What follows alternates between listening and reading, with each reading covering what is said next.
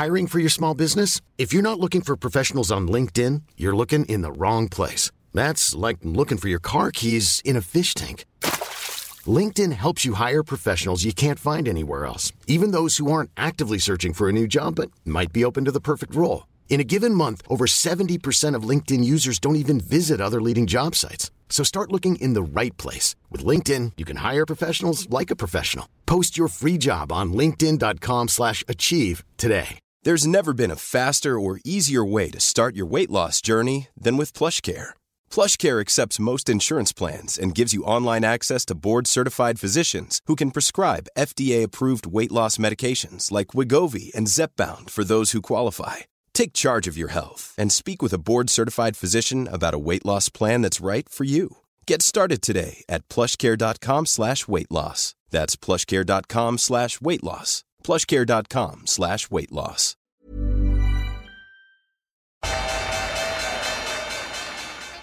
They mistook leverage for genius. Leverage for genius. I would recommend Japan. The governments don't rule the world. Goldman Sachs rules the world. Velkommen til episode 162 av podkasten 'Tid er penger'. En podkast med Peter Warren. Jeg heter Sverre, og er produsent. Trykker på start og stopp. Og i dag eh, jodler litt sammen med Peter. en litt annen episode i dag. Vi, vi holdt oss ikke til manus i det hele tatt. så, man, med manus så mener jeg det, det vi hadde tenkt å snakke om. Så sida mi er stort sett hvit. Ingen er blitt rosa, som er det når vi snakker om det. Så jeg legger med mye i nyhetsbrevet som kommer etterpå, men ellers jeg tror vi bare går i gang. Altså, det jeg hadde det veldig morsomt når vi eh, tok den opp, så kanskje du blir like å høre den også. Ja. Klokka er halv åtte i stedet for klokka tolv. Så uh, du ble fanga i bilkøa, regner jeg med, fra, tilbake fra uh, Østfold?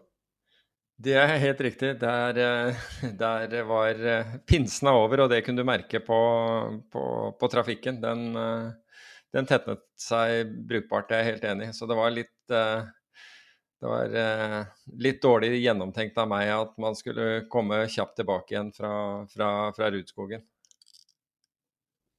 Hva du gjorde der, da? Der var jeg altså Der var jeg kjørte uh, Var heldig å kjøre gokart sammen med, med bl.a. Dennis Hauger og, og, og, og Cedric Heusmann. Uh, jeg kan egentlig takke både Harald og Cedric for at uh, vi fikk være der. Jeg var der sammen med Kaja, min, min, datter, og kjørte. Og det var en sånn De hadde en sånn eventdag med, med, med gokartkjøring morsom Det er et par, par, ting jeg kunne fortelle fra det bare sånn kjapt. og Det ene er jo at, at Dennis er jo altså han, han er jo så utrolig Dennis Hauger. altså Han vant jo da um, sprintløpet som mange har fått med seg, i hvert fall uh, av våre lyttere, for jeg ser at de er motorsportinteressert. I Monaco. Så det, er helt, det er jo helt utrolig, syns jeg. Da, altså de, jeg tror ikke det er mange ganger norske nasjonalsangen har blitt spilt i, i Monaco.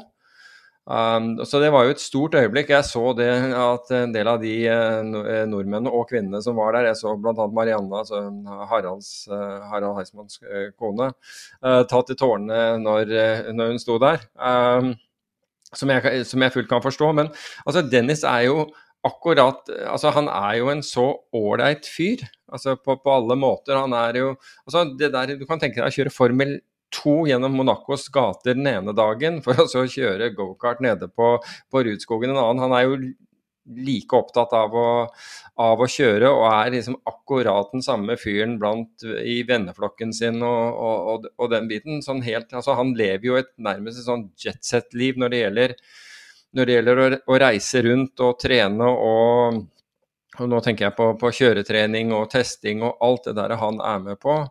Og, og, så er han liksom den mest normale, normale gutten uh, når, når, han er hjemme. Jeg syns det der er godt gjort å si mye, mye, om ham. Men det var en liten morsom sak der, og det var at uh, at de skal ha, skal ha et race da, med, med, med, 20 stykker. og Det, det, er, ikke, det er, ikke, lurt i, i gokart uh, på banen. Da må det nesten gå gærent. Men Poenget var at, eh, at, at Cedric utfordret uh, disse her som var der, til, til, at hvis noen Dennis skulle da starte bak, bakerst eller Han, start, han startet riktignok foran oss, for vi, jeg skulle kjøre spor for, uh, for uh, Kaja.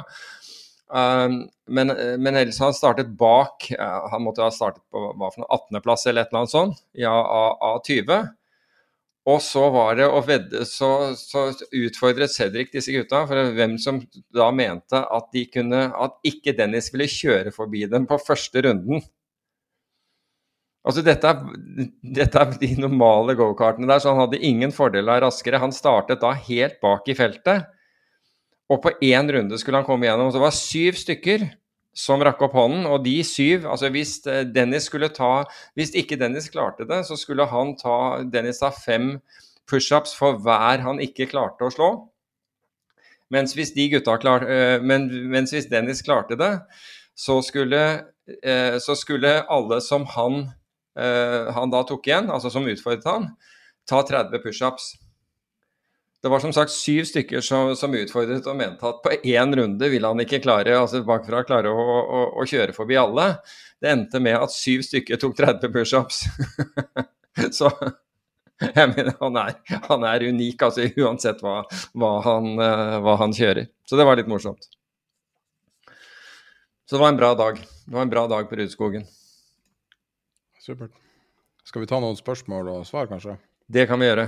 Skal vi prøve å gjøre dem litt kjappe nå, ettersom klokka er tross alt ti over halv åtte? Skal gjøre mitt beste. Uh, jeg vet ikke om det er du som har skrevet spørsmål, men, men la, la, oss si at det er et spørsmål som kommer inn. Nei, jeg, jeg, har fått spørsmål. Jeg har omformulert noen rett og slett for ja, å gjøre de litt mer spissede. Fordi ja, de ellers blir for, stor, for omfattende. Har Finansklagenemnda noe for seg?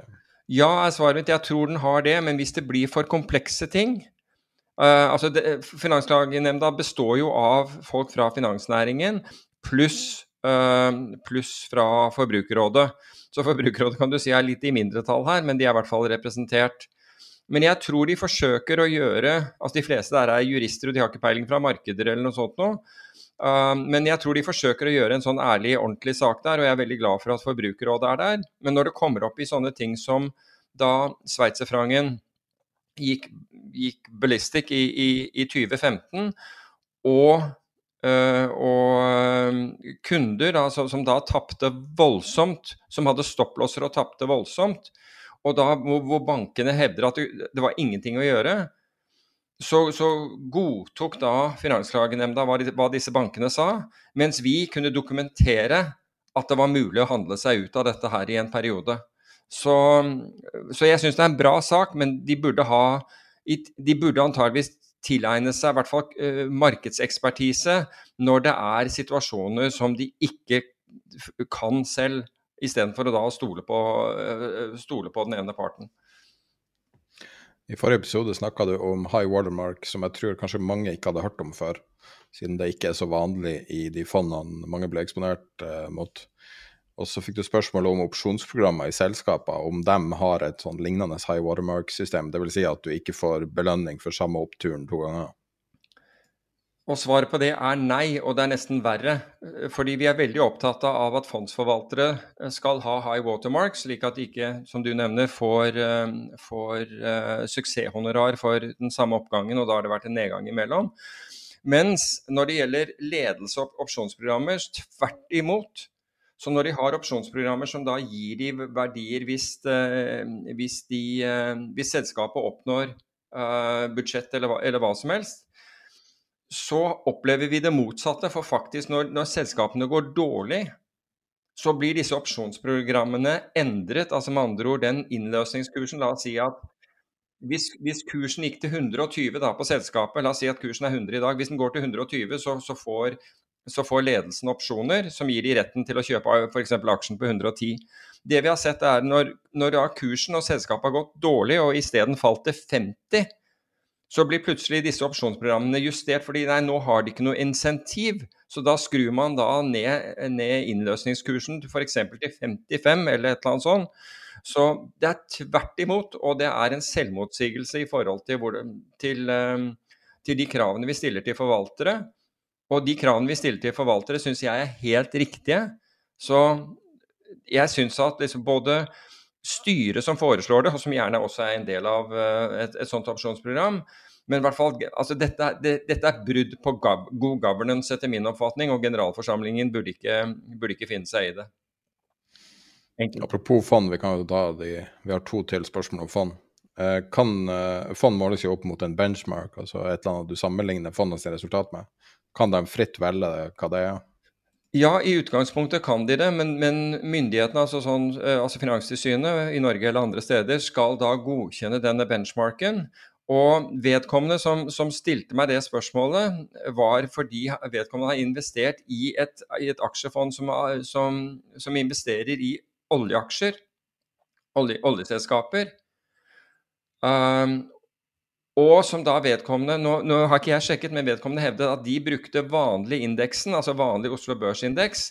Det syns jeg vil være merkelig om Finanstilsynet har godkjent. Altså hvis, hvis, fondet, altså hvis mandatet til fondet er, er å investere i, i, oljeaksjer, og ikke det at fondet kan investere i alle mulige typer aksjer, og så en tilfeldighet eller fordi de er dyktige, så har de valgt oljeaksjer nå. Det er en annen ting. Men ifølge vedkommende så var dette fondet satt opp for å investere i oljeaksjer. Og da er det helt unaturlig at benchmarken er Oslo Børs vanlige indeks. Da burde det være en oljeindeks, f.eks. XLE, altså den ETF-en eh, e som består av oljeselskaper. Um, men jeg vet at tilsynene har vært mer lemfeldige med, eller god, vært lettere for å godkjenne litt sånn dårlig valgte eh, benchmarks, altså det som favoriserer forvalterne, så lenge de ikke har vært profit split, altså suksesshonorar eh, involvert. Det er jo en helt, en helt, annen verden når du har det også. Det er en helt annen verden når du har suksesshonorar. Så, så jeg er helt enig i at man bør være ekstra påpasselig når det er suksesshonorar tilknyttet en benchmark. Men jeg syns jo for bransjens skyld at, at, man burde velge riktige benchmarker uansett, altså så gode som mulig. og Jeg vet et annet tilfelle også, men det tar for lang tid å, å, å forklare. Det har blitt bedre enn det var. Fordi Tidligere så byttet jo uh, forvaltere benchmark til, til noe som, som, de slo. altså Når de ikke klarte å slå den benchmarken de skulle, så, så gjorde de om f.eks. til kombinasjonsfond eller et eller annet sånt. Fra et aksjefond til kombinasjonsfond. For da så det ut som stjerner uh, på, på historisk avkastning.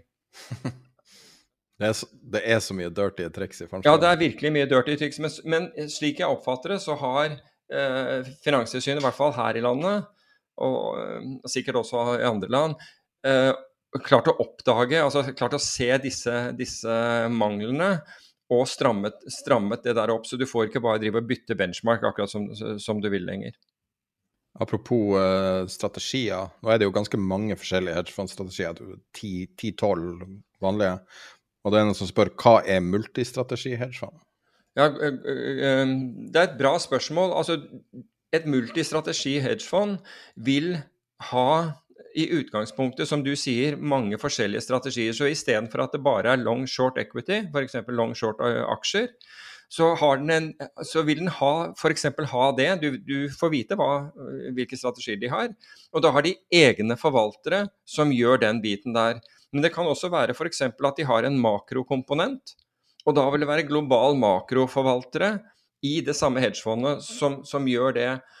Og hvis vi ser til noen av de beste hedgefondene i verden, Millennium er et slikt et, så så har de uavhengige forvalterteam. Mange, jeg tror det er så mye som 200 uavhengige forvalterteam, som sørger for de fantastiske resultatene som, som Millennium har kommet opp med.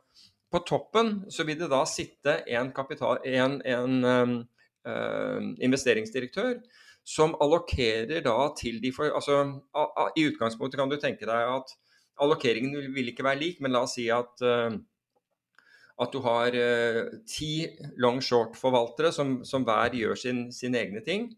Har sine egne de, kanskje en innenfor energi, en innenfor helse eller et eller annet sånt. Uh, så vil man allokere til dem. og så er det investeringsdirektørens jobb å på en måte endre disse allokeringene litt etter, etter hvor det finnes muligheter, men også for å balansere fondet.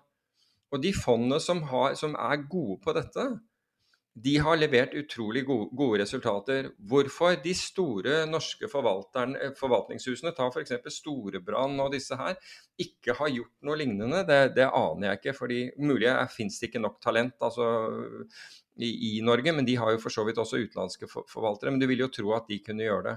Men altså, du har et annet et som heter Baljasny, Dmitrij Baljasny, som for øvrig han er vel egentlig ukrainer, når jeg tenker meg om, men har vel bodd i USA hele, hele livet. Det er også et sånt fond som har gjort det ufattelig bra. Multistrategi. Du har, du har f.eks. kredittobligasjonsforvalter inni der, long short uh, kreditt. Uh, long short equity, du har ja, makro også. Du har flere andre sånne hedgefondstrategier innenfor og da flytter man litt, litt etter altså business-sykelen, sånn som vi har sett nå, gå fra, fra vekst til verdi. Så vil da uh, investeringsdirektøren, altså som da ser at ok, nå kommer det rentehevninger i, i, i USA, uh, vekstselskapet vil gjøre det dårligere, kunne allokere penger, mer penger òg f.eks. til de som sitter på, på, på verdiaksjer og, og prøver å finne det beste ut av det. Så det er egentlig en veldig god idé, men, men, du vil jo ha mange ulike forvaltningsteam. Og du vil også tro at det ville, det ville gjøre forvaltningen til et forvaltningsselskap enda bedre.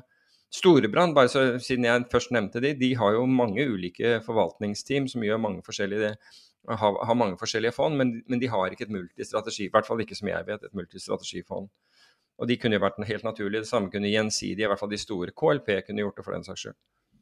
Du kan ta kjapp, et kjapt svar på det her. Det er jo allerede svart i chatten, men jeg vet at mange lyttere ikke er på uh, vår livechat, selv om det er mange som er der.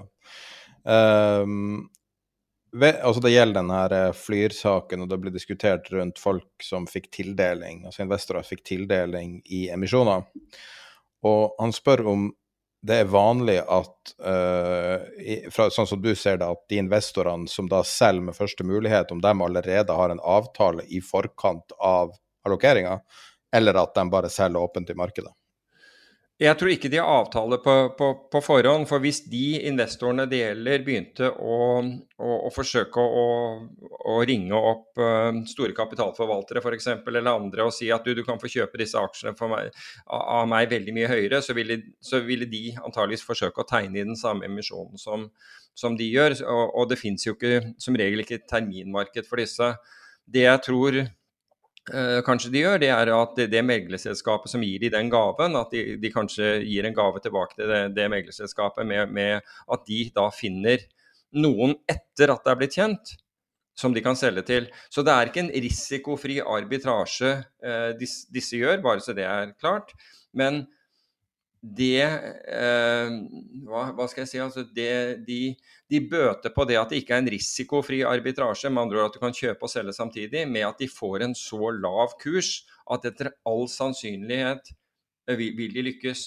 Men det var morsomt, fordi ved, ved en tilfeldighet så snakket jeg med en, med en britisk forvalter, en, en, en, engelsk forvalter, i, for, i, i forrige uke. Og, og, han av en eller annen grunn, han handler en god del i det norske markedet, så jeg skal ikke nevne hvor han er fra, bare for, bare for meglerhusene vil fort eh, identifisere hvem dette her er. Men han sa at Norge, han, han, vet ikke om noe land som er akkurat som Norge på, på det, hvor the even bigger fool theory er, er så pre prevalent at, at, folk går rundt og skryter at de er the even bigger fool. Med andre the even bigger fool theory er, er jo den der at du, at du kjøper med, med, med, tro på at noen, noen skal kjøpe, kjøpe, det av deg for en høyere, høyere pris. Og det som skjer i Norge, er jo at du får høre at de har kjøpt det drittbillig, men allikevel er du the, fool som overtar disse til en mye høyere pris. Og så går du og er stolt av det, omtrent som du har kjøpt en memestokk. Det er jo litt sånn Reddit, Reddit med det. Og han sa det er jo helt morsomt. Det er jo litt sånn, og det var for øvrig han som, uh, som sa dette med, med, med, Reddit. Han sa det, det minner jo litt om det Reddit-samfunnet. Nå skal jeg prøve å kjøpe denne aksjen enda høyere enn noen andre har gjort før. Uh, fordi, fordi, jeg vet at, uh, jeg vet at no, noen har, får en kjempefordel. Det er, det er litt merkelig, men, eh, men, sånn er det. Um, du, vi fikk et Det var liksom et sånt tips om en artikkel, så det var på en måte ikke et spørsmål, men liksom prinsipielt interessant. Um, I 2020 så var det en norsk investor som mista sin nettforbindelse. I mars 2020, selvfølgelig. Og DNB tvangssolgte um, DNB og Nordnett tvangssolgte aksjer for 28 millioner kroner. Og det her har gått eh, rettens gang nå. Um, og så lurer jeg på hva du syns om uh, en sånn prinsipiell sak? Ja, hva er det du spør om da? Altså, det, det... Ja, altså, er, det riktig av dem å kunne tvangsselge altså, Dette var jo den verste dagen i Altså en av de verste dagene noensinne sånn børsmessig. Um, så det er litt sånn artig prinsipiell problemstilling, da. Uh, når de ikke får kontakt med kunden, er det helt greit av dem å selge? Altså når kunden, Her er det jo snakk om at kunden har opptatt uh, betydelig lån for å kjøpe verdipapir, eller finansiert disse verdipapirene. ikke sant? Og da vet kunden hvilke krav som ligger til grunn for det. At, at bankene, altså være seg DNB eller Nornett, skal kunne holde rede på, på kundens nettforbindelse, eller være ansvarlig for den, det har jeg liksom vondt for å si at er er, liksom, er normalt og er innafor. Så du, du, inngår en avtale med, med, med, banken. Jeg må jo si at banker er Det er jo en selvmotsigelse satt i system når de driver med dette her. fordi hvis du, hvis du går til en banks forvaltning, så sier de at aksjer stiger for, for alt. Det er bare å sitte på aksjer, det er aldri noe problem. Og selv om det går ned, så kommer det opp igjen. Det er liksom forvaltningsavdelingen. Men utlånsavdelingen, med en gang det går ned, så selger de deg ut. Det, liksom sånn, det, det må jo være kognitiv dissonans hos en bank, men jeg skjønner jo hva, hva som skjer her. Men til ditt, til ditt spørsmål, da. Du vet hva altså Dette er jo som et marginkrav hos en hvilken som helst megler. Det er ikke meglerens problem om jeg, om, om min data, altså min dataforbindelse går ned eller om jeg mister forbindelse på, på mobiltel mobiltelefonen, de kan ikke holde seg ansvarlig for det, mener jeg.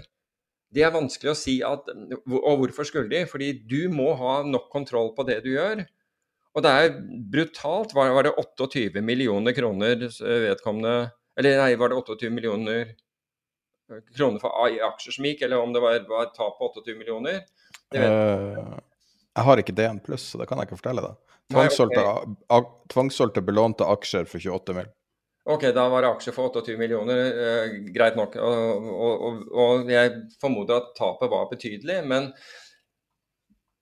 vi, altså hvis banken har fulgt, eller banken eller meglerhuset har fulgt de reglene som på forhånd var, var godtatt og kjent for begge, så, så, kan ikke de lastes for at de, de ser markedet gå i, i fritt fall og kunden ikke gjør noe, da, da er jo liksom defaulten er jo å selge deg ut.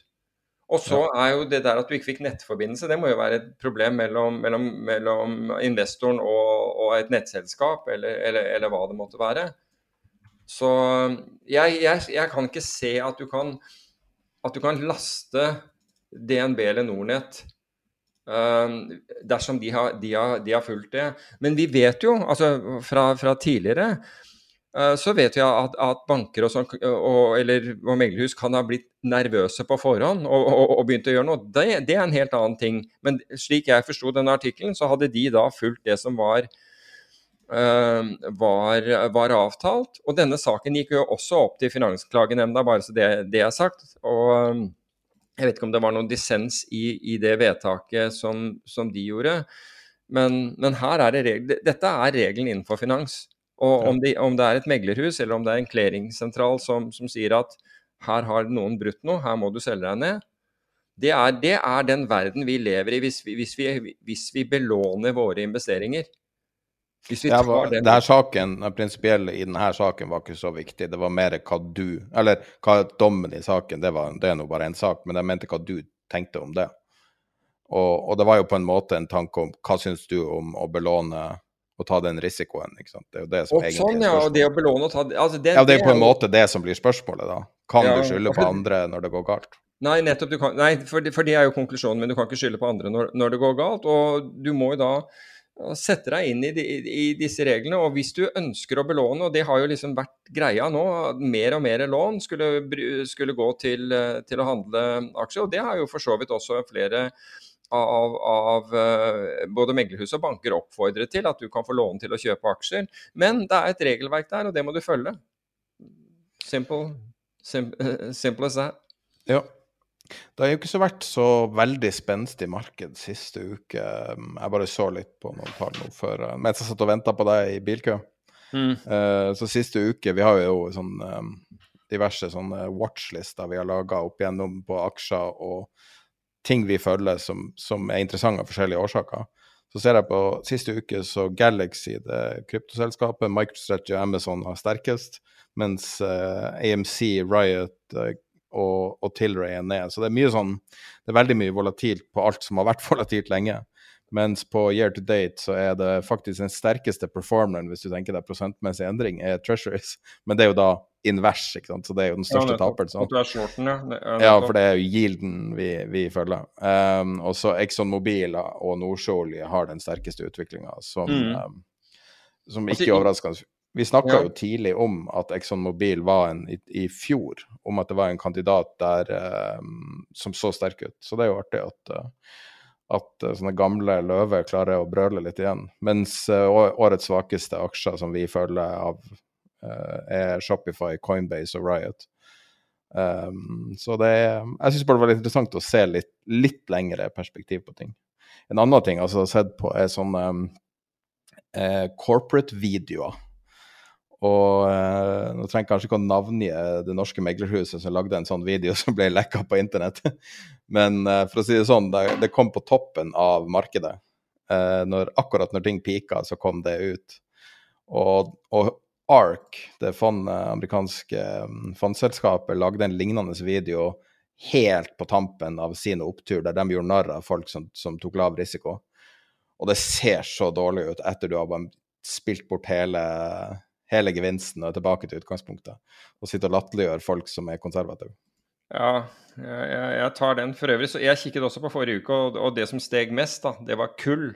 Altså Apropos MDG, MDG og disse her. Kull, kullprisen var opp 5,5% i forrige uke og er opp 164% hittil i år.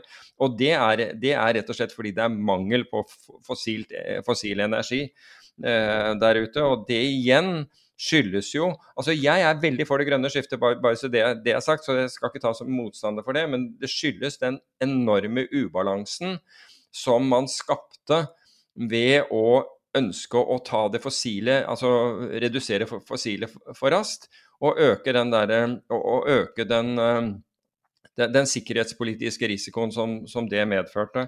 Så det er jo et paradoks at kull og uran var de tingene som steg mest i forrige uke. Og det var det ETF-en, det sprott-ETF-en var opp 5,3 um, men er opp 13,3 uh, hittil i år. Så, Vet du hva som også er veldig høyt? Hva sier du? Vet du hva som også er veldig høyt? Nei, kom igjen. Temperaturen i Texas. Jeg sitter og ser på værmeldinga i Houston. Oh, ja. Akkurat nå er det 32 grader, og det er meldt 36, 38, 38. Og det skjer samtidig som eh, de, de, har høyest power demand, altså høyest etterspørsel etter energi noensinne i Texas. Og det her er før sommeren tar en virkelig eh, bit på. Så det, kan bli, det kan bli helt katastrofe, sånn som, sånn som det skjedde på vinteren, der eh, hele anlegget deres gikk ned. Og pga. det så har prisen på naturgass uh, steget 7 i dag, på det høyeste nivået til 13 år. Så greia der sprer seg, selv om naturgassmarkedene er to separate markeder i Europa og USA mm. egentlig Altså noe blir vel sendt over Atlanteren, men um, på tross av det, da, så sprer det seg, det her grusomme markedet fra Kina til Europa til USA, hele verden. Ja, altså jeg, jeg, jeg minnes jo Amarant, dette, dette hedgefondet. For øvrig eh, som holdt til i samme bygg som bygning i, eh, i Connecticut som, eh, som, Nasim Taleb hadde sitt fond. Uh, de, de, var i, jeg tror de var til og med i samme etasje. Men Amarant med Brian Hunter som, den, som gikk over ende Altså, han tradet spredden mellom vinter- og sommergass ganske aktivt. Og det, det, er, det, er, en utrolig interessant eh, Det er skrevet en bok om det, jeg husker ikke hva den heter i farten, men uh, den er ekstremt interessant. Altså hvordan han blir den største traderen, enkelttraderen i gass, og Amrant blir, altså Brian Hunter, altså han, uh, han kan tjene en milliard på en måned. Men, men, så begynner Altså, han blir for stor, han blir for ambisiøs. Han er en del av Amrant. For øvrig så hadde Amrant Det var for øvrig et multistrategifond hvor egentlig alt besto av, av, energi og gass, fordi alt ble allokert til, til han, og det feil i seg selv. Men det var vel en av de største sånn hedgefond-blow-upene ever. Fordi han hadde da spekulert og Jeg husker ikke om det var at vintermåneden skulle være vesentlig Altså spredden mellom vintermåneden, det blir kalt the Widowmaker etterpå, uh, mellom vinter- og, og sommergasspriser. Han hadde, han hadde, posisjoner på det, og de gikk imot. Og han var så stor at, uh, at, måtte, at han måtte gå til bankene eller Amrant måtte gå til bankene. Altså de hadde JP Morgan var, eh, var clearingbrokeren deres. Men så valgte de å gå til Goldman Sachs. Men Goldman Sachs skulle ha 1,3 milliarder dollar i fees for å overta det. I shit you know. Men hør på denne her. De skulle ha 1,3 milliarder dollar i fees for å overta denne boken til og, og da, var, da, skulle de ha boken i, til Da hadde den her allerede falt, og de skulle overta den til en lavere, lavere pris enn markedet. Så skulle de ha det i fees. Men så stepper Merrill Lynch opp og tar en tredjedel av boken til en bedre pris. Så de går da tilbake til Goldman og, si, og, og sier at nå er det bare to tredjedeler Eller nei, bare, vi har behov kun for to tredjedel. Da ble Goldman så forbanna at de økte fien sin, fordi da regnet med at den fien kom ned. Nei da, den gikk opp med en halv milliard dollar. milliard! Og det her er jo faen meg 2006, så det er jo noe helt, ja, helt riktig. Ja, helt riktig. I'm, I shit you not. De økte sin fee til over 1,8 milliarder dollar for å overta Jeez, denne. Det er, det, verste, det er nesten det verste storyen jeg har hørt. Men så Men get this, da. Så hitter da hitter da uh, for de har ikke noe valg, de hitter da dette biddet. Men i dette biddet så at uh, så forlanger jo da Goldman at JP Morgan frigjør marginene. Slik at altså de overtar, og JP Morgan frigjør eh, det som Amrant har som sikkerhet hos, hos, JP Morgan, i og med at Goldman overtar risikoen. Og det, og det skal de gjøre umiddelbart. Men da Altså, snakk om, snakk om, å bli effed of your bankers. Fordi da sier JP Morgan nei. De har ikke tenkt å frigjøre disse midlene på flere dager. Og da sier Goldman nei. Det er liksom sånn Det var, en, det der, det var helt vanvittig, hva som skjedde der. Jeg vet ikke hvordan størrelsesforholdet blir, for den endelige blow-upen var på 6 milliarder. Ja. Eh, så, men hvor stor posisjonen var det, kan vel være ja, altså, og, og, du kan si den, den, Det var jo en av de aller største altså Bortsett fra LTCM, så var jo dette en av de absolutt største blow-upene man, man, har sett. Og, det er jo historisk der å, å bli skrudd av banken. Altså, og hva altså. heter han? Siden eh, tidenes morgen har det skjedd det der. Altså, de, de sitter i både uh, Amarant altså Espen Goiderhaug jobbet for Amarant uh, en periode. Wow. Og han er jo kjempesmart. altså Han er jo virkelig, virkelig virkelig smart. Og han gikk jo derfra til å bli prop-trader hos JP Morgan i New York. Før han lenge etterpå kom, kom tilbake igjen til, uh, til, til, til Norge. Uh, pro, da var det Even Berntsen som var sjef for prop-gruppen der. Even var, var, sjef for dealingrommet til Chase i, da, da Chase Manhattan var i Oslo. Uh, som ble lagt ned, og så, så flytta han til Europa. Så, så ble vel ble vel eh, Even sjef i, eh, for, eh, for, en del av tradingen i JP Morgan i London. Og så gikk han da til, til, New York, hvor han ble global head av Jeg husker ikke hva det var innenfor hvilken del av tradingen. Um, til JP Morgan. Og han, han, kjente jo Espen fra tidligere, og han hyret da Espen inn. Men Espen kom da fra Amrant, men, men Amrant var da i Paloma-bygningen. Um, Paloma, veldig kjent uh, amerikansk hedgefond, men Paloma nettopp pga. De hadde penger i Amrant, men Paloma og en del andre trakk ut fordi det var så store bevegelser i dette fondet fra, fra måned til måned, så de, de, trakk ut pengene sine. Men veldig mange andre gjorde ikke det, da. Ja, men na nattgassmarkedet, jeg bare tenker på når du snakker om det her det er helt kronisk infisert av folk som holder på som gærninger. Men jeg lurer på en ting jeg hadde tenkt å gjøre en gang, var å begynne å spore alle de tidligere folkene fra Endland og hvor de er nå, mm. og prøve å, prøve å, følge deres vei gjennom uh, Wall Street-systemet. Og hvis du ser på timinga, så kan du jo gjette på at ganske mange eks-Enron-folk var i det fondet. I jeg Goldman, i JP Morgan. Jeg tror Amrand hyret én, én fra, fra Enron, om jeg ikke tar feil. De var interessert i det elektroniske handelssystemet til, til En- Enron, men jeg tror aldri de overtok det. Men det som var problemet med, med Natgas-markedet i, i, i New York på den, den tiden, at det viste seg at det var tre eller fire store tradere som holdt på um, i det markedet. Og, og Brian Hunter går da til å bli den aller største. Og han gjør mye riktig, men, men han mister det rett og slett. Altså han, grådigheten. Han begynner å, å, å, tenke seg at han får at han kanskje kan oppnå en, en, bonus på en milliard dollar. Det var jo ingen innenfor hedgefondverden som hadde fått på det, det tidspunktet. Og, og, da girer opp og girer opp, og han kan ikke Altså hele posisjonen Han blir en så stor del av markedet at det er ikke sjanse for at han kommer ut.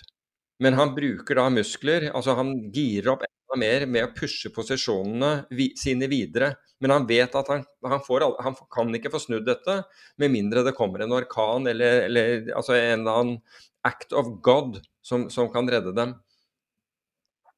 Og risk management klarer da De blir sett ned på i, i, i Amran, fordi de, de, blir sett på som en sånn festbrems. Og han flyttet jo deler av forvaltningen fra, fra Connecticut til Jeg lurer på om, om, det var til Houston Eller nei, unnskyld, det var til Calgary. Han flyttet til Canada, for Brian Hunter er vel opprinnelig canadier. Så en del av dem sitter der oppe, og de bryr seg ikke en dritt om hva eh, risk management og andre eh, mener om, om noe, som, noe, som, helst. Så, så der, altså, du snakker om hubris og, så, og sånne ting, og det er, det er både hubris her og grådighet og, og, fullstendig mangel på både respekt for de som skal håndtere, altså hjelpe deg å kont kontrollere risiko, og egentlig for, for, investorene at the end of the day. Så en stygg sak, men det, det er skrevet en bok om det. Jeg skal, jeg skal finne tittelen. Den heter 'Hedgehogs'. Ja, er det det? Mm. Står det at den er om, om, om Amberland? Ja da, den heter Hedgehogs. Jeg legger link til det i nyhetsbrevet. Ok, hvem, hvem, er det som har skrevet den? Uh, hun heter Det er ei dame. Ja, nettopp. Ja, da er det den. Det er riktig. Fordi hun ble vanvittig motarbeidet mens hun prøvde å, mener jeg. Jeg prøvde å se hva han gjør nå, men han, er jo sikkert ute og gjør et eller annet galskap nå fortsatt. Uh, Brian Hunter? Jeg aner ikke. Han, nok gått, han, han, var nok persona non grata en, en god periode, men uh... Jo da, men han har jo sikkert noe penger igjen, skal jeg tro. Ja, det kan, det kan eh, Ja, det kan godt hende. Men Jeg tenker jo på han eh, det, er så mange, Men det er så mange karakterer i det markedet. Men det er jo litt av det Nick, gamle sånn Nick Maonis het vel han som var CIO, hvis jeg ikke tar helt feil, i Amarant. Og han var en kjent størrelse. Han, han var på en måte velansett, han, altså. Jo, men det er så mange gærninger i energi generelt, den gamle oljekulturen. Og um jo, men jeg syns vi har sett dette her i andre markeder også, når noen virkelig liksom slår uh, altså hole in one på noen ganger, så blir de så fulle av seg selv, og så blir det så stort og så gærent, og så blir det konsentrerte bets, og så går det mot, og så er ikke markedet like likvid som, som Og så prøver de å muskle markedet. Altså, jeg har sett dette her skje mange ganger, altså. Dessverre. Det er jo mer i futures, mer i commodities, føler jeg generelt? Um, nei, jeg syns jeg Nei, vet du hva. Jeg, jeg, har sett det i aksjer, og jeg har sett det i små Jeg har sett det definitivt i aksjer, og da er de prøver de gjerne å, å, å Altså, det er sånne mindre aksjer som de da prøver å manipulere. Jo, jo, det, det er fint, selvfølgelig, men jeg, jeg, tenker på dem Det store blow-upene og sånn er ofte i mer eh, Altså, aksjer kan du stort sett selge, mens uh, futures fungerer jo på en annen måte, og du har limit down og, og alle de tingene. Uh, mm. Sånn at um, Jeg vet ikke. Det er bare å tenke tilbake på alle jo, jeg er enig i at du, du, har jo den derre eh, Var det Sumitomo og Kobber, og du har mange sånne mange tilfeller innenfor råvarer, som du sier. Som, som Men valuta har... også, selvfølgelig. Valuta har jo vært en sånn skikkelig sånn widowmaker. Ja, Spesielt av og til. igjen, kanskje. Ja um, jeg kan, jeg, Altså, det har jo vært det har jo definitivt vært blow-ups i valuta, men om det har vært større enn det har vært i ehm, Det var jo en, en eh, Apropos det, det var jo en norsk trader, eh, banktrader, som blew up i, i japansk igjen. Ja. Og, hadde, og, der var det rett og slett relasjonene som banken hadde til Japan, altså den banken det gjaldt.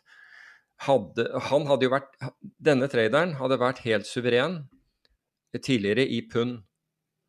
Som, er, som jeg syns er en av de vanskeligste valutaene å, å handle. Han var, han var ingen Altså, han var verdenskjent, jeg tuller ikke. Han satt i norsk bank det som var Kredittkassen, altså det som er Nordea nå. Men han satt der, og han var konge i pund. Og han, han, tok, han, tok, så mye risiko at, at selv britiske banker turte ikke å gå mot han. Og han var en legende i det. Jeg, jeg skal ikke nevne navnet hans, jeg, men, men jeg, jeg, vet godt hvem han er og, og, og kjenner ham. Men, men uh, og jeg husker at uh, han bare sa nei, her har det ikke noe å gjøre. Jeg husker at ved et tilfelle så Da er jeg der, der det, Dette var da Kredittkassen var på, på, Stortorget.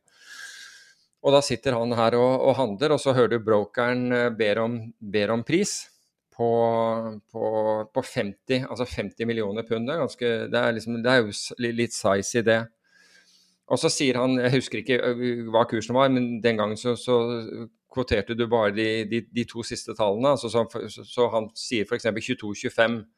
Og det er, jeg kjøper på 22, selger på, på, på, på 25. Og så, og så, får han beskjed fra brokeren uh, at uh, han, han, har solgt 50 millioner pund på, på, på 25.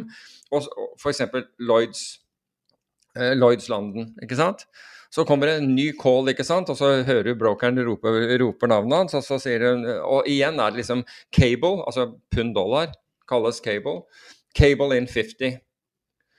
Og han stiller liksom uh, ah, OK, fuck. Uh, sånn, 23-27. Og så sa Du mister på 27. Barclays London. En ny, ny London-bank. Har ikke før gjort den der, så er det en ny call for pund. ikke sant? 50 pund. ikke sant? uh, der. Og så, det, så, stiller han da opp, da, liksom 25-29. 29 sier, uh, sier brokeren. Altså han mister enda 50 millioner pund. Nå er han short 150 millioner pund. Um, og så og, og, så kommer brokeren og enda, Det var f.eks. NatWest eller et eller annet sånt eh, erkebritisk banker hele tiden. Og da, tenk, da, begynner du å tenke at oh, kanskje de, de, vet noe. Men ikke han her. Så kommer det en ny call, ikke sant om, om, man kunne, om, man kunne, gjøre 100 Og det var stort i de dagene. altså 100 millioner pund. Det, det, var, det var, en sizable greie. Hva kan du stille i 100? Og, han, og da stiller han ned. Så han har akkurat mistet nå på 25, 27 og 29, så han er liksom snitt på, på, på 27. Og jeg tror han stiller noe sånt som 21, 24 eller noe sånt noe. Da blir det helt stille på den andre enden.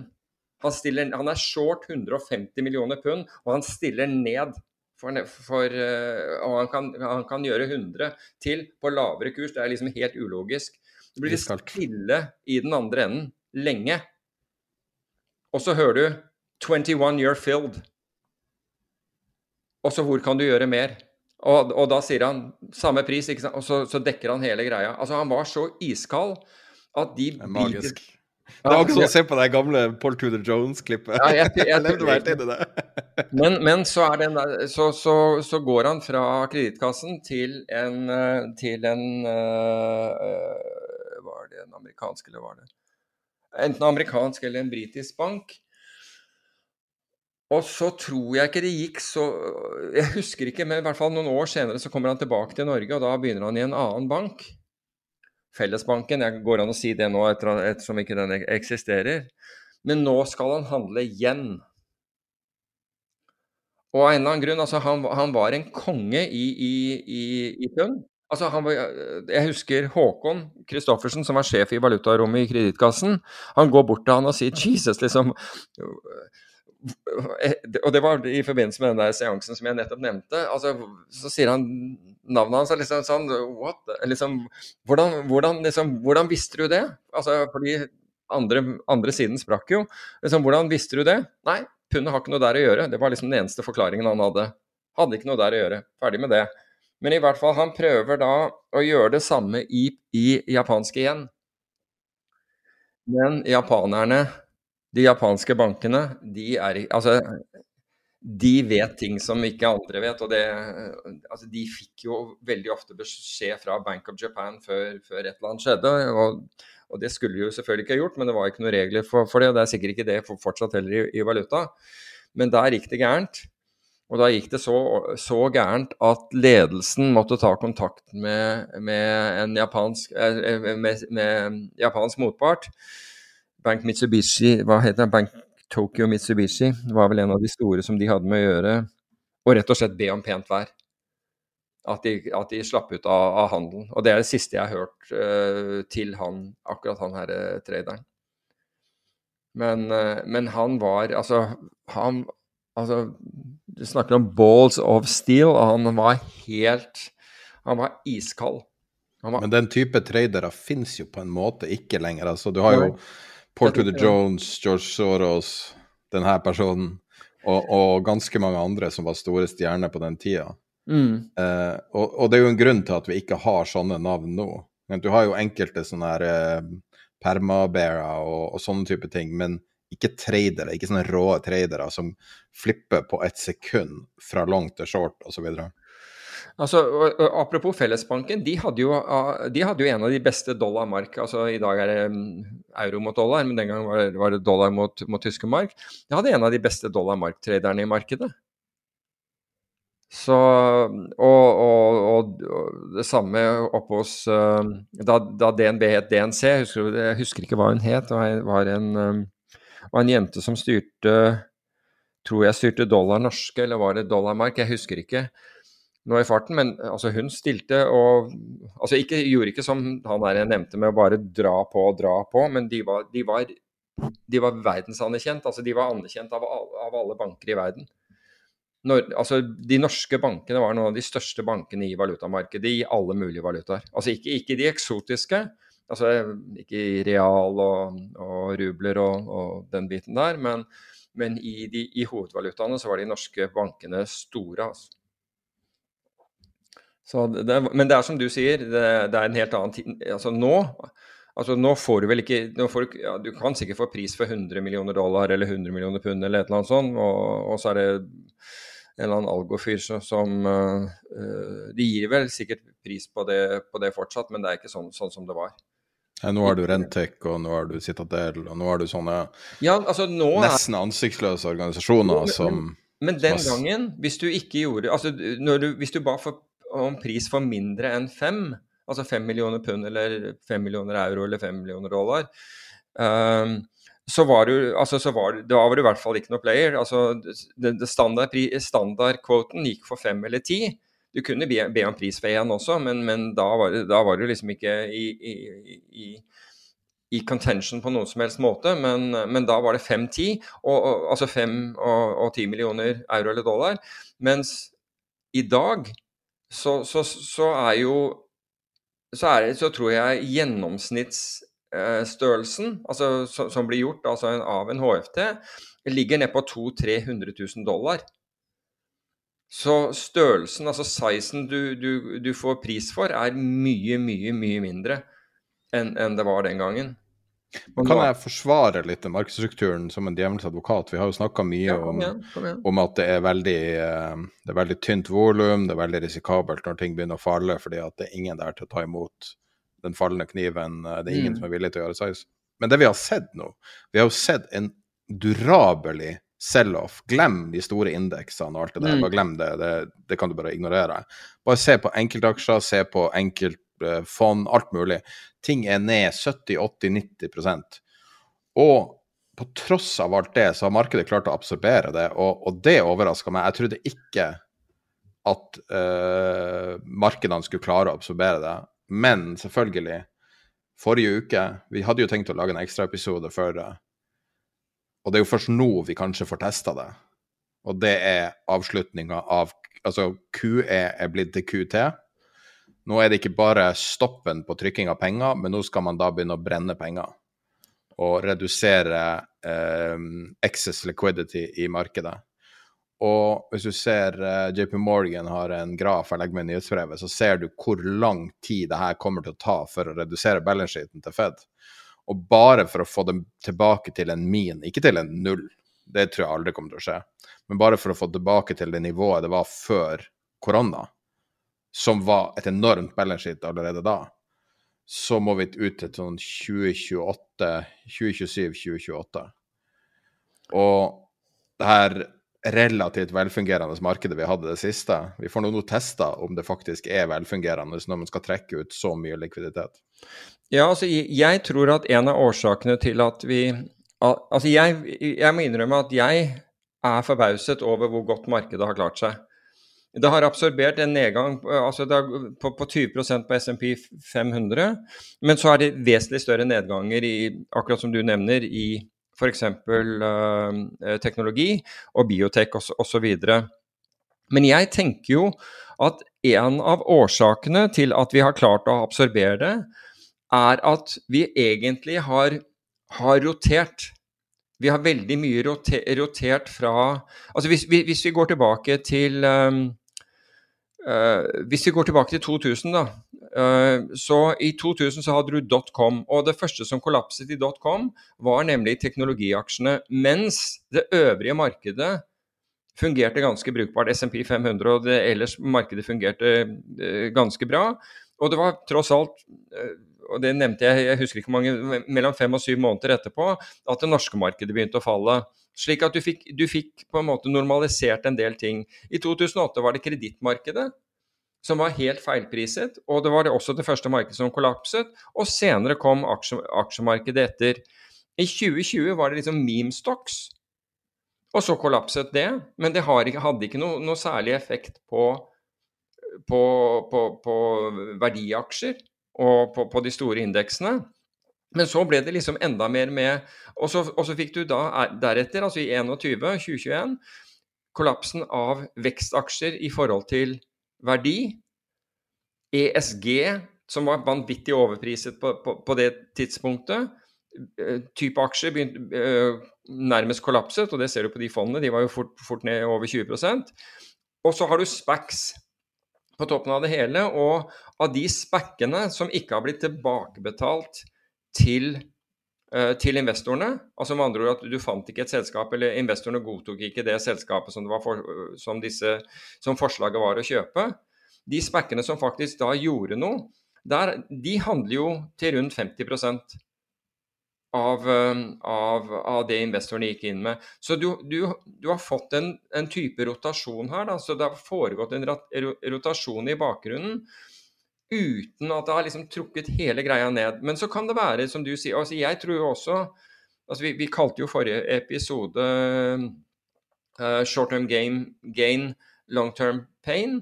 Og jeg tror på en måte litt at, at det er det vi, vi, er inne i nå. Vi kan løfte dette her kortsiktig, men, men, men, det trenger å gjøre mer da, før det blir ferdig. Men jeg tror det at det har rotert, og at enkelte Og, og på en måte så er dette riktig, fordi det er det er, det er tyngdekraften. Tyngdekraften fikk endelig virke på Eh, teknologiaksjer, fikk endelig virke på spekker, fikk endelig virke på en hel haug av ting der ute som var,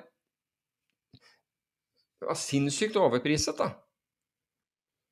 Og det at du får Og, og da får Og i, i, endelig så begynner det da å koste noen å ta for mye risiko. For det har det ikke gjort så lenge du har hatt um, kvantitative lettelser og, og sentralbanker som har, som har, på en måte stimulert og holdt hånden under, under investorene. Så endelig begynner på en måte det som et kapitalmarked hvor du ser noen feile, blir et mer robust marked enn et kapitalmarked hvor ingen tilsynelatende feiler, uansett hvor mye risiko de tar.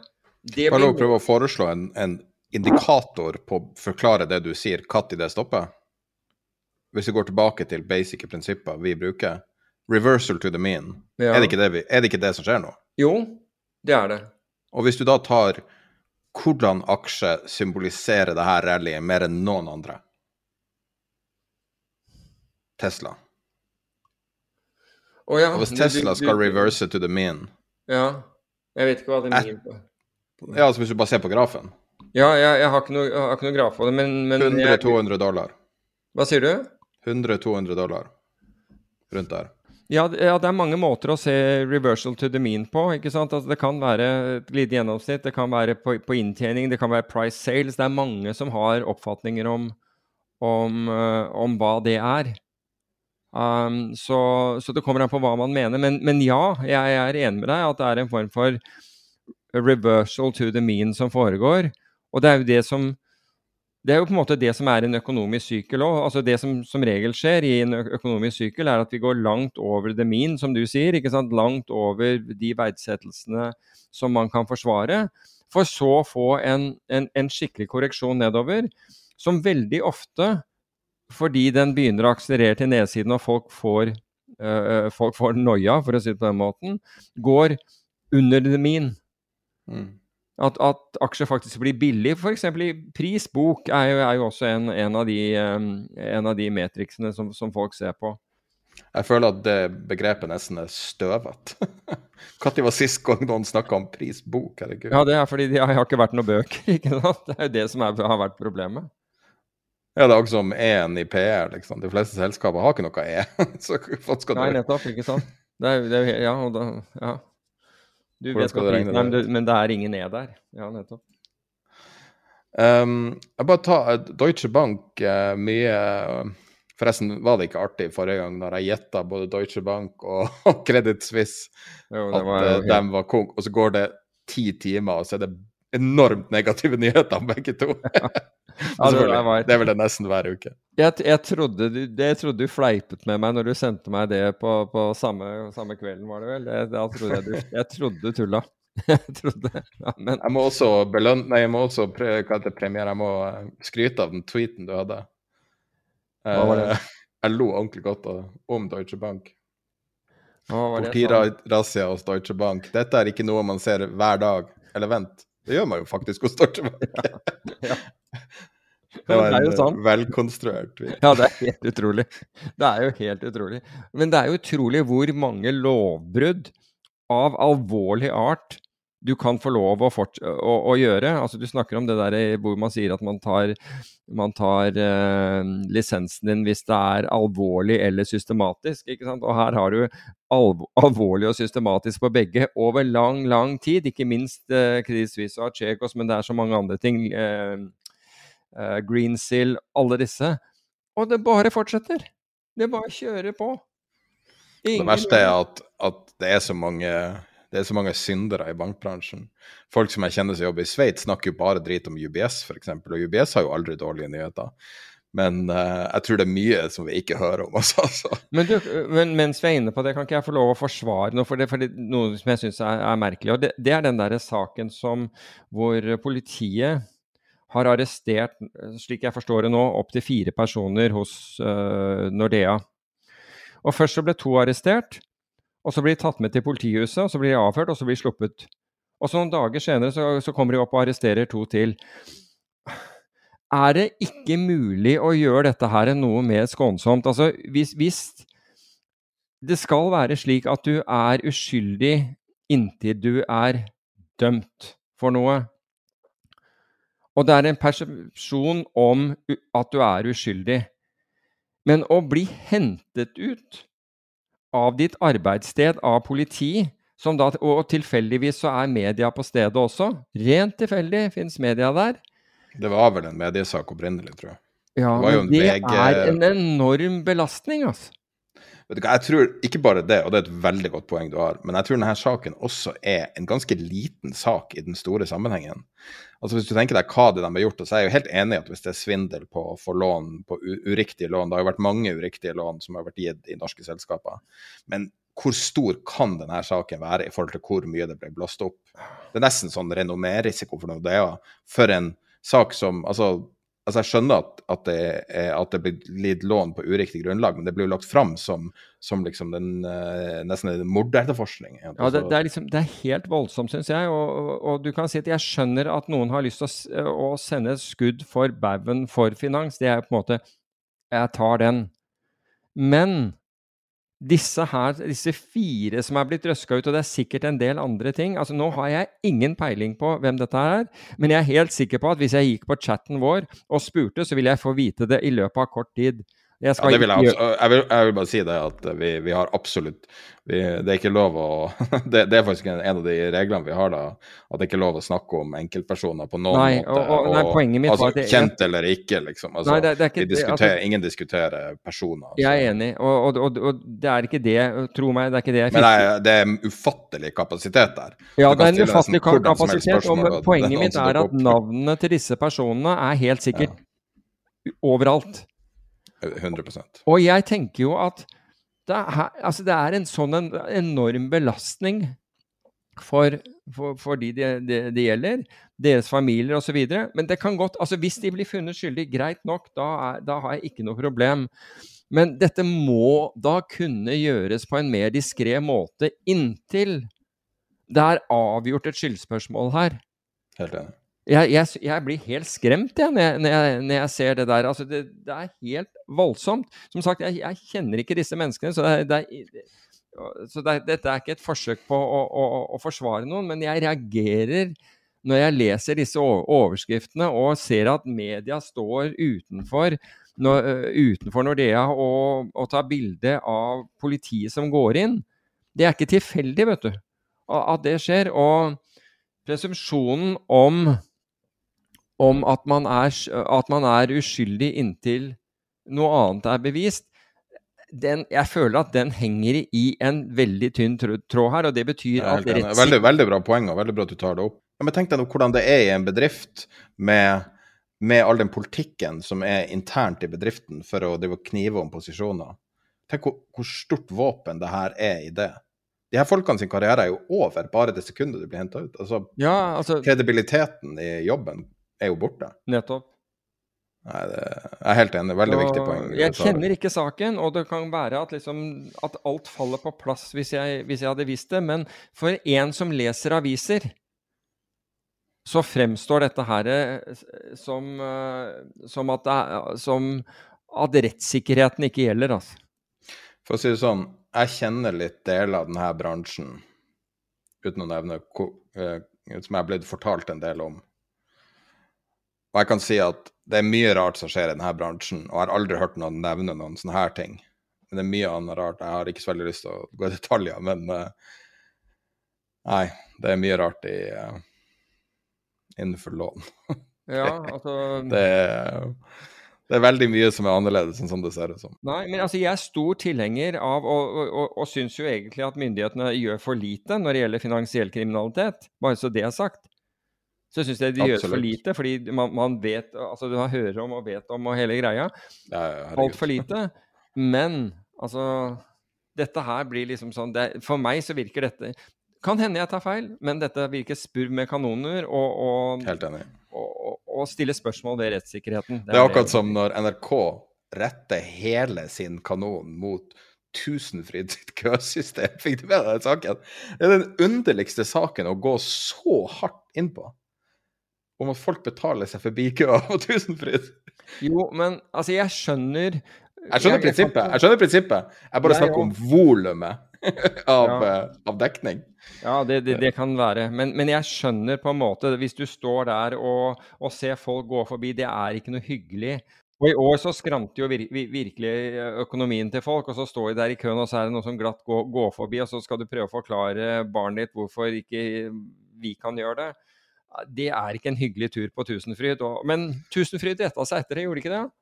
Jo, jo, men uh, jeg vet ikke. Jeg, jeg, likte bare ikke hvordan NRK var så uh, aggressiv og liksom kjørte Altså, det her er snakk om Statskanalen med fem mm. milliarder i ryggen. Og jeg er litt grann varsom med hvordan saker de velger å gå all in på. Altså NRK svir nå av noen hundre millioner eller hva det er på å lage ting som Exit og sånne der ting som er helt ikke rot i virkeligheten. Så, så altså, er rare prioriteringer. Jeg skulle gjerne ønske at de ja.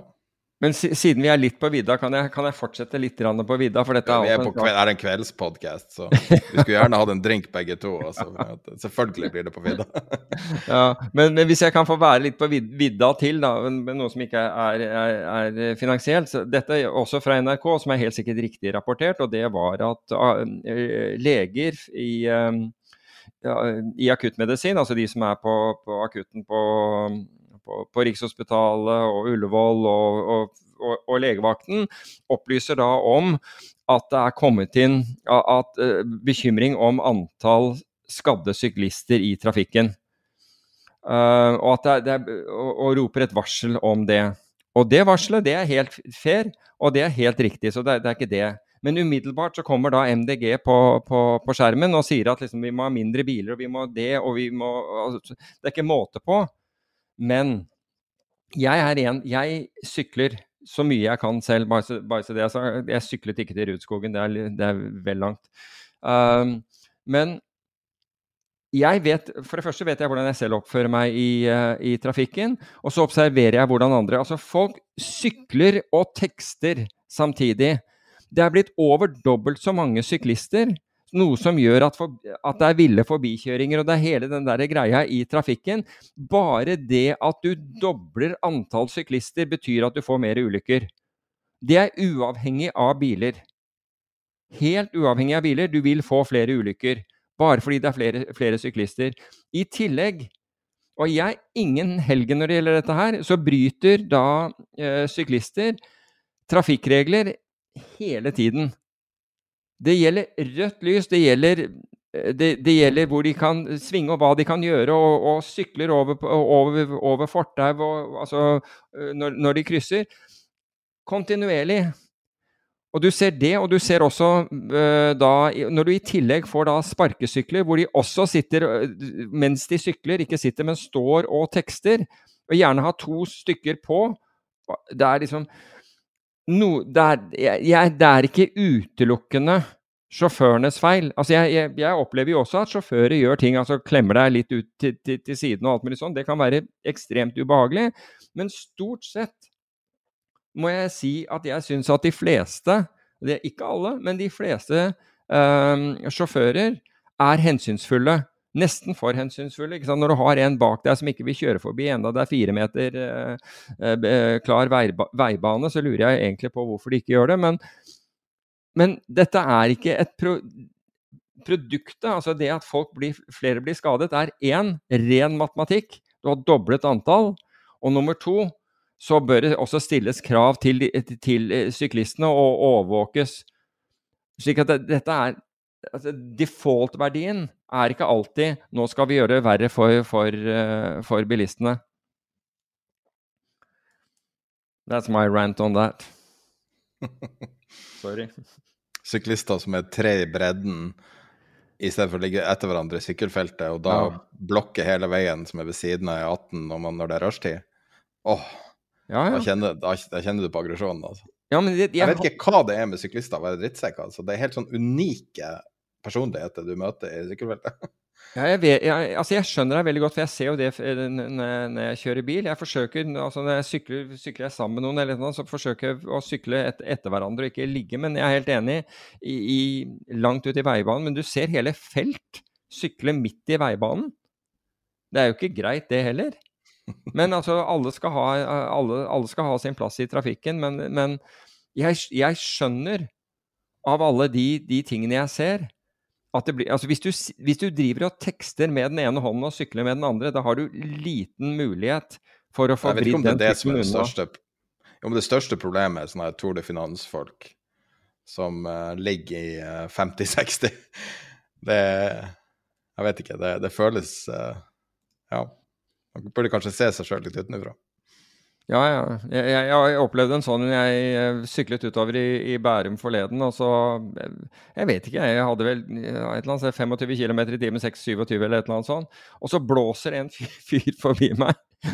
og jeg kikket frem, og jeg var sikker på at det var en elsykkel, det var det ikke.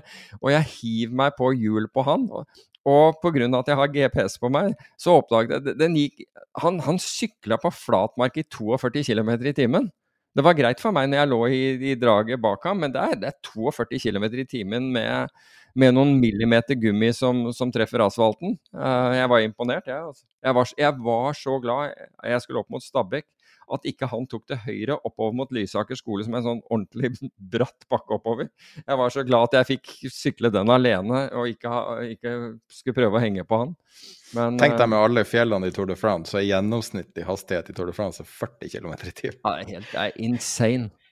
det er så sykt å tenke på. Det er så vanvittig. Det er helt in insane. De kjører vel sikkert i 40 når de ligger i det der eh, Men selvfølgelig, å drafte bak noen er jo en veldig stor forskjell. da. Ja, ja.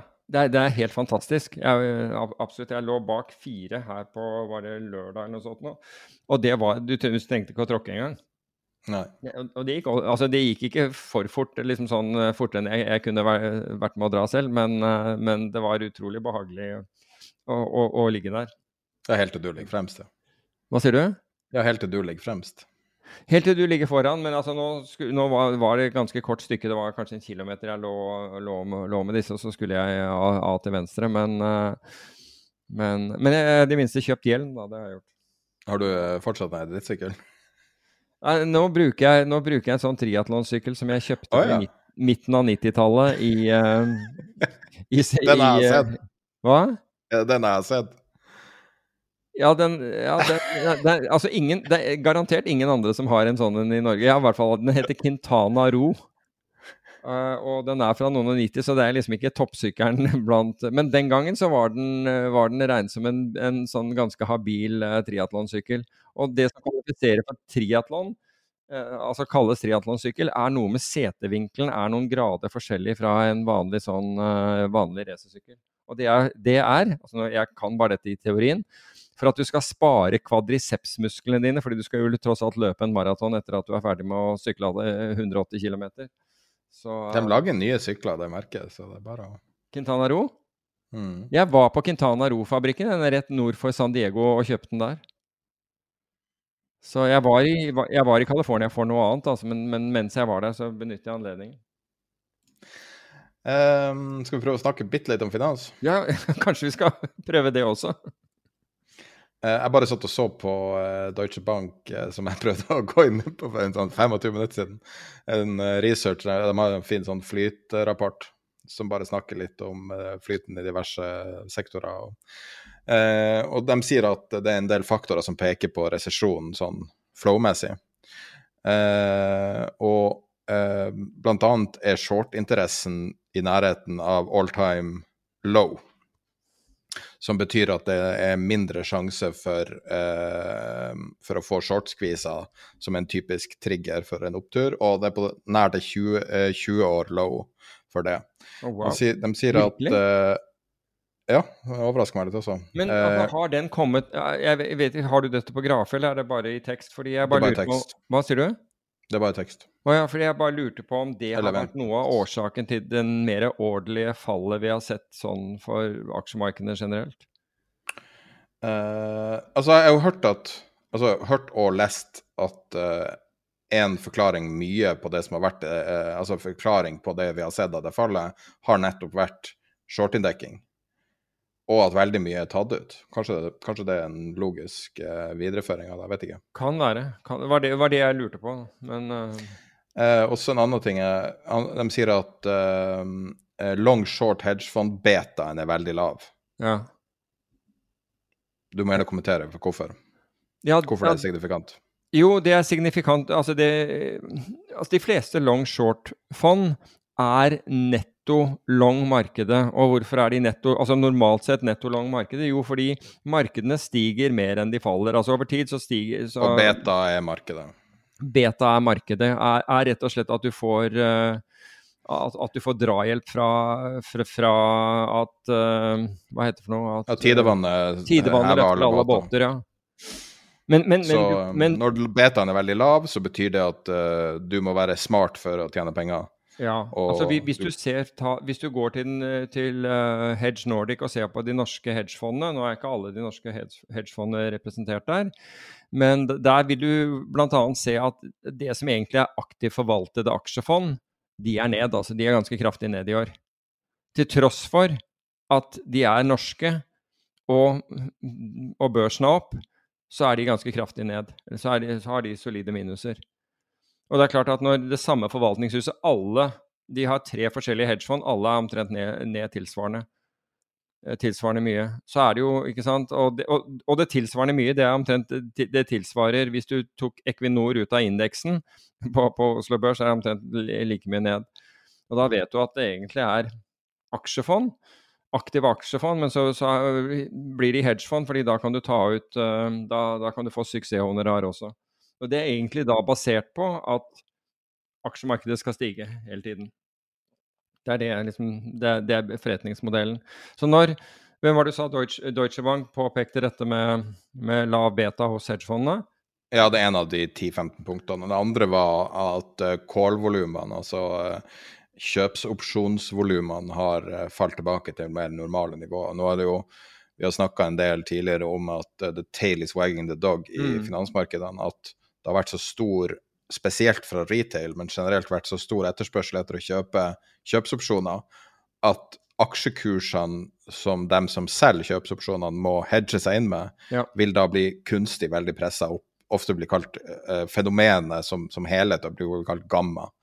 Uh, nå, nå jeg vet ikke om det er en, en riktig overføring til gamma i opsjoner. Um, jeg vet ikke hva du syns om det begrepet. Jo, er det det. Men det er, jo, det er jo det, som Og det er min personlige tese at det første som var, som var virkelig ramma av gamma, var Tesla. Men det som veldig mange eh, ble kjent med, var eh, GameStop, AMC, ja. Nokia og mange andre der når aksjer stiger 100% på en dag, og sånn, som i praksis aldri skjer i finans, med mindre det er en enorm nyhet, så må det være sånne type faktorer. Og da får du da det som kalles gammaskvis. Men nå har kålvolumene normalisert seg, retail har tapt veldig mye penger, og ting har rett og slett blitt mye mindre frothy enn det var. Mye mindre skumma, sjø enn det var bare for et år siden. Men du kan si at for en norsk investor, altså hvis en norsk investor har en, en indeksportefølje eller hva som helst, så er det jo ganske, i og med at nå har, eh, har uh, prisen på call-opsjoner liksom kommet ned igjen, så er det ganske fristende å kjøpe Altså hvis jeg, å, kjøpe calls og utstede salgsopsjoner altså La oss si du kjøper en altså Hvis du skal gjøre dette gratis, så kan du kanskje kjøpe en, en salgsopsjon, eller utstede en salgsopsjon. Nå, nå, forutsetter jeg bare i utgangspunktet at du har tenkt å bli sittende i aksjer. Hvis du ikke har tenkt å bli sittende i aksjer, så, så gjelder ikke dette. Men hvis du allikevel skulle sitte, bestemme deg for å bli sittende i aksjer, kan du nå utstede en salgsopsjon, kjøpe en kjøpsopsjon. Salgsopsjonen er ca. 10% under markedet. Kjøpsopsjonen antageligvis litt, i, rett i overkant av 3% over markedet nå. Den ville være, tenker jeg ville være gratis. Hvis du gjør det, så vil du slå alle andre aksjefond. Altså hvis markedet nå faller, så vil du Altså, du får igjen aksjene dine 10% lavere. En, altså, du må da selge aksjeporteføljen din eller fondet ditt, men du kunne allikevel gjøre dette. Og så vil du da få Hvis markedet falt, så, så har du spart deg selv for 10% så du, så du vil ha en bedre performance enn det andre Eh, enn en det f.eks. et indeksfond eller andre med en tilsvarende portefølje har. Um, og, så er du med igjen. Hvis det plutselig skulle ta til oppsiden, så vil du være med igjen etter, etter ca. 3% oppgang. Husker du for, uh, husker du for ett uh, år siden, eller på sommeren, på sensommeren i fjor, så hadde jeg fått en telefon fra en bekjent som uh, drev og snakka om investeringer. Og denne personen hadde i et indeksfond jeg tror det var fire millioner eller fem millioner i et indeksfond. Jeg tror det var fire millioner som hadde blitt til fem millioner. Mm -hmm. uh, og så uh, spurte meg eh, et eller annet om eh, rundt eh, hva som var liksom beste strategien for at um, denne personen skulle kjøpe ei leilighet nå, og ville kjøpe den i cash, mm. som er uvanlig nok. Og da sa jeg at når jeg tenkte meg litt om, så uh, inspirert av uh, ditt tankesett, så sa jeg at hvis jeg var deg, så ville jeg ha tatt uh, et fast rentelån da. Da viste det seg å være helt på bunnen, det kunne ikke jeg vite da, og det visste jeg ikke da heller. Men fast rentelån på eh, det kjøp, altså kjøpesummen av leiligheter som ville være der fire eller fem millioner, Um, bytte, um, bytte eksponeringa i indeksfondet over i opsjoner, og sette uh, og da selge da indeksfondet og sette pengene på en konto. Og det var mitt forslag da. Det var liksom sånn improvisert i det jeg kjørte når jeg snakka i telefonen. Og så snakka jeg med den personen for ikke så altfor lenge siden. Og eh, ingenting hadde blitt gjort av endringer, og hele oppsida var tapt. Oh, wow. Tapt én million. Det var litt artig. Jeg synes det var artig å følge det opp, siden vi snakka om det i episoden. Jeg spurte ja, deg hva du syntes om det da.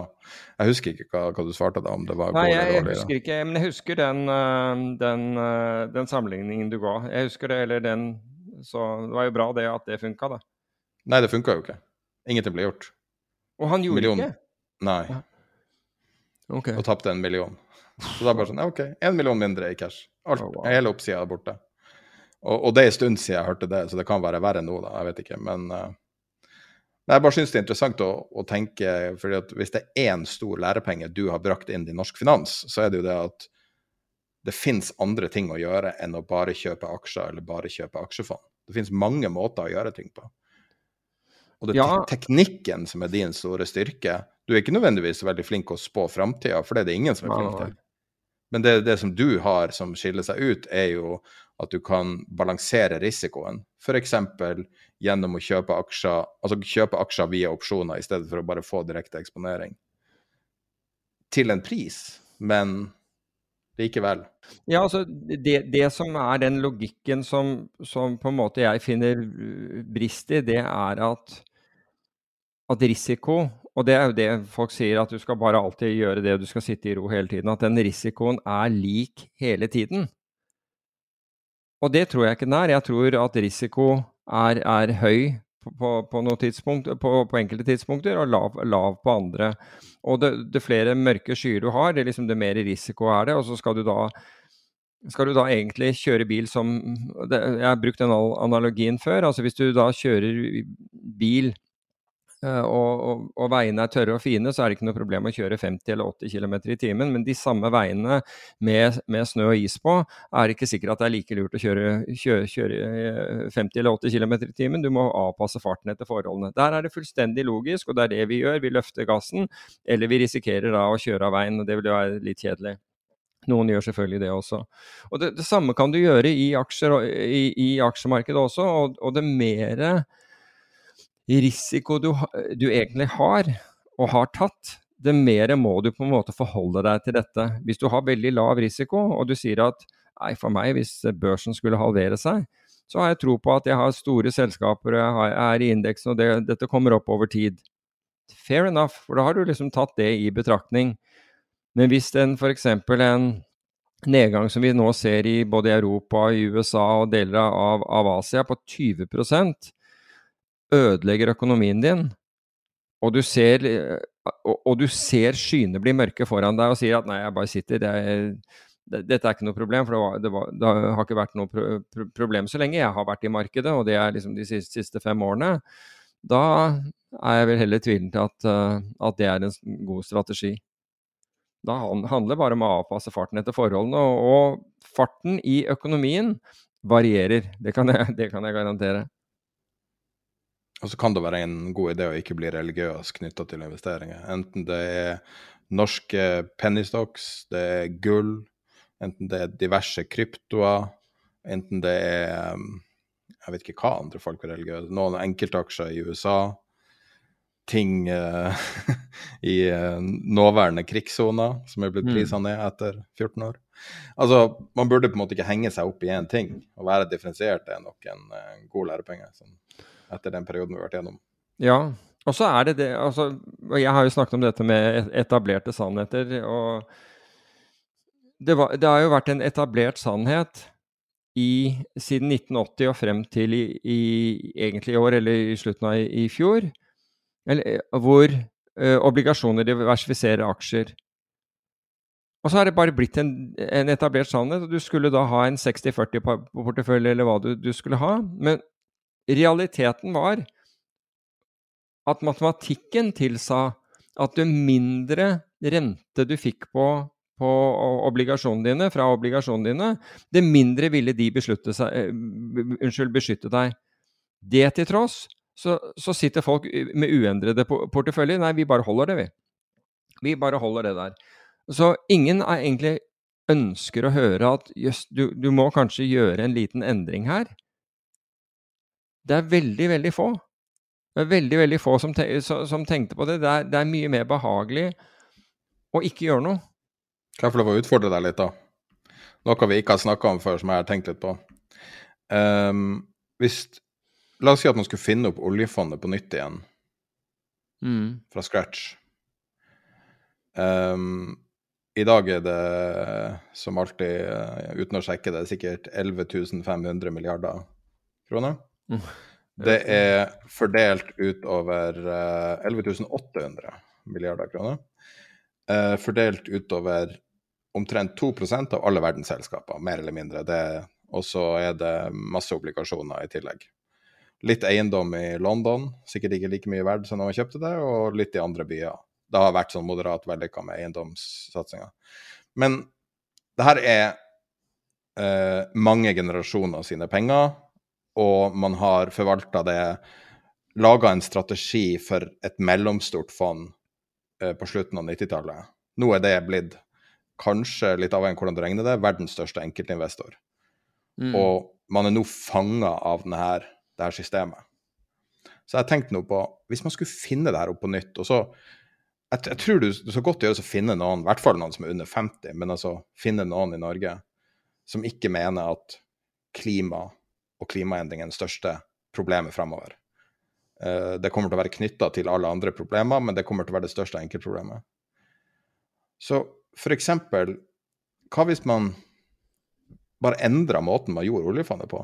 Jeg vet jo at det er politisk umulig å endre noe sånt, det lar seg jo ikke gjøre. Selvfølgelig vil det bli tidenes krangel. Men det går an å gjøre investeringer på andre måter enn å investere på børs. Og jeg føler at vi sitter på en mulighet nå som kanskje ikke kommer igjen. fordi at hvis et eller annet skjer og verdier faller veldig mye med Nå er jo pengetrykkinga over, så alt tilsier jo at de her verdiene kommer jo bare til å forvitre framover, med mindre kroner skal bare fortsette å falle i verdi også.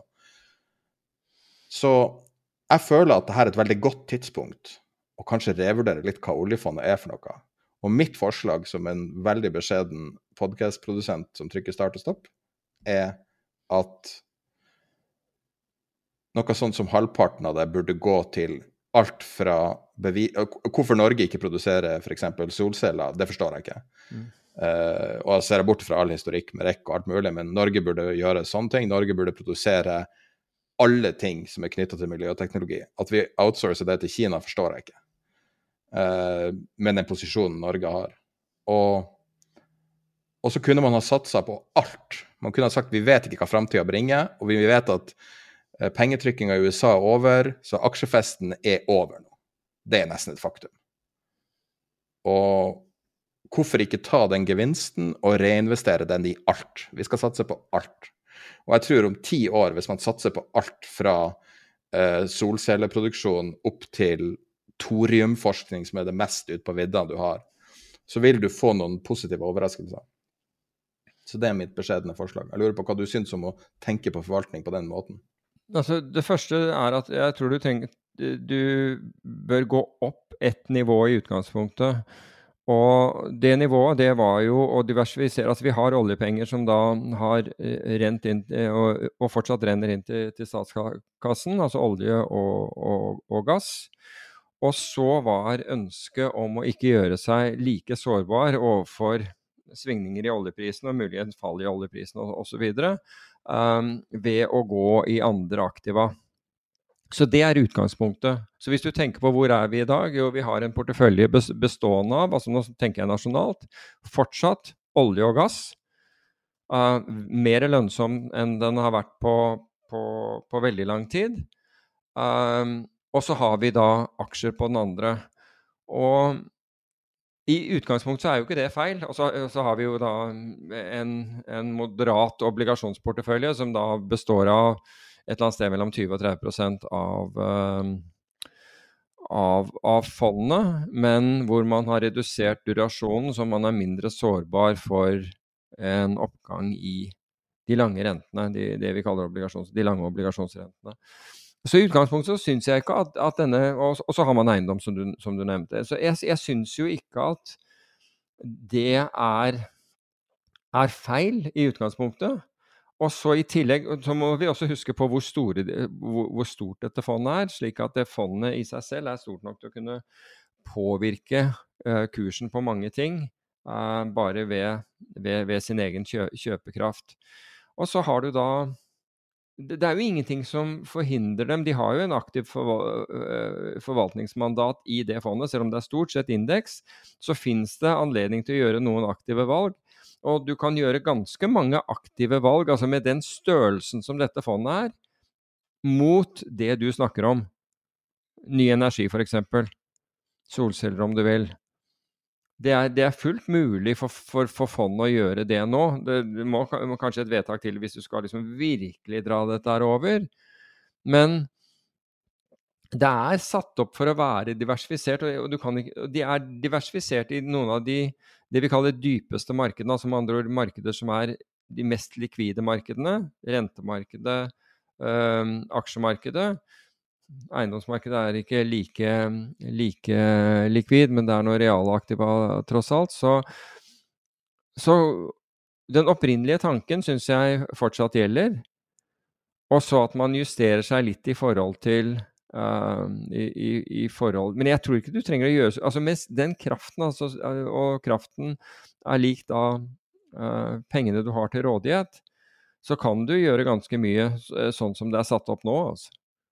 Men du, men du, kan kanskje gjøre mer altså hvis du gjør men, men jeg tror altså Når du sier aksjer er, er ferdig og dødt, jeg, jeg, tror ikke det. Jeg tror at um, deler av aksjemarkedet må korrigeres til, til det gjør vondt, før, før, uh, før det, det, blir bra.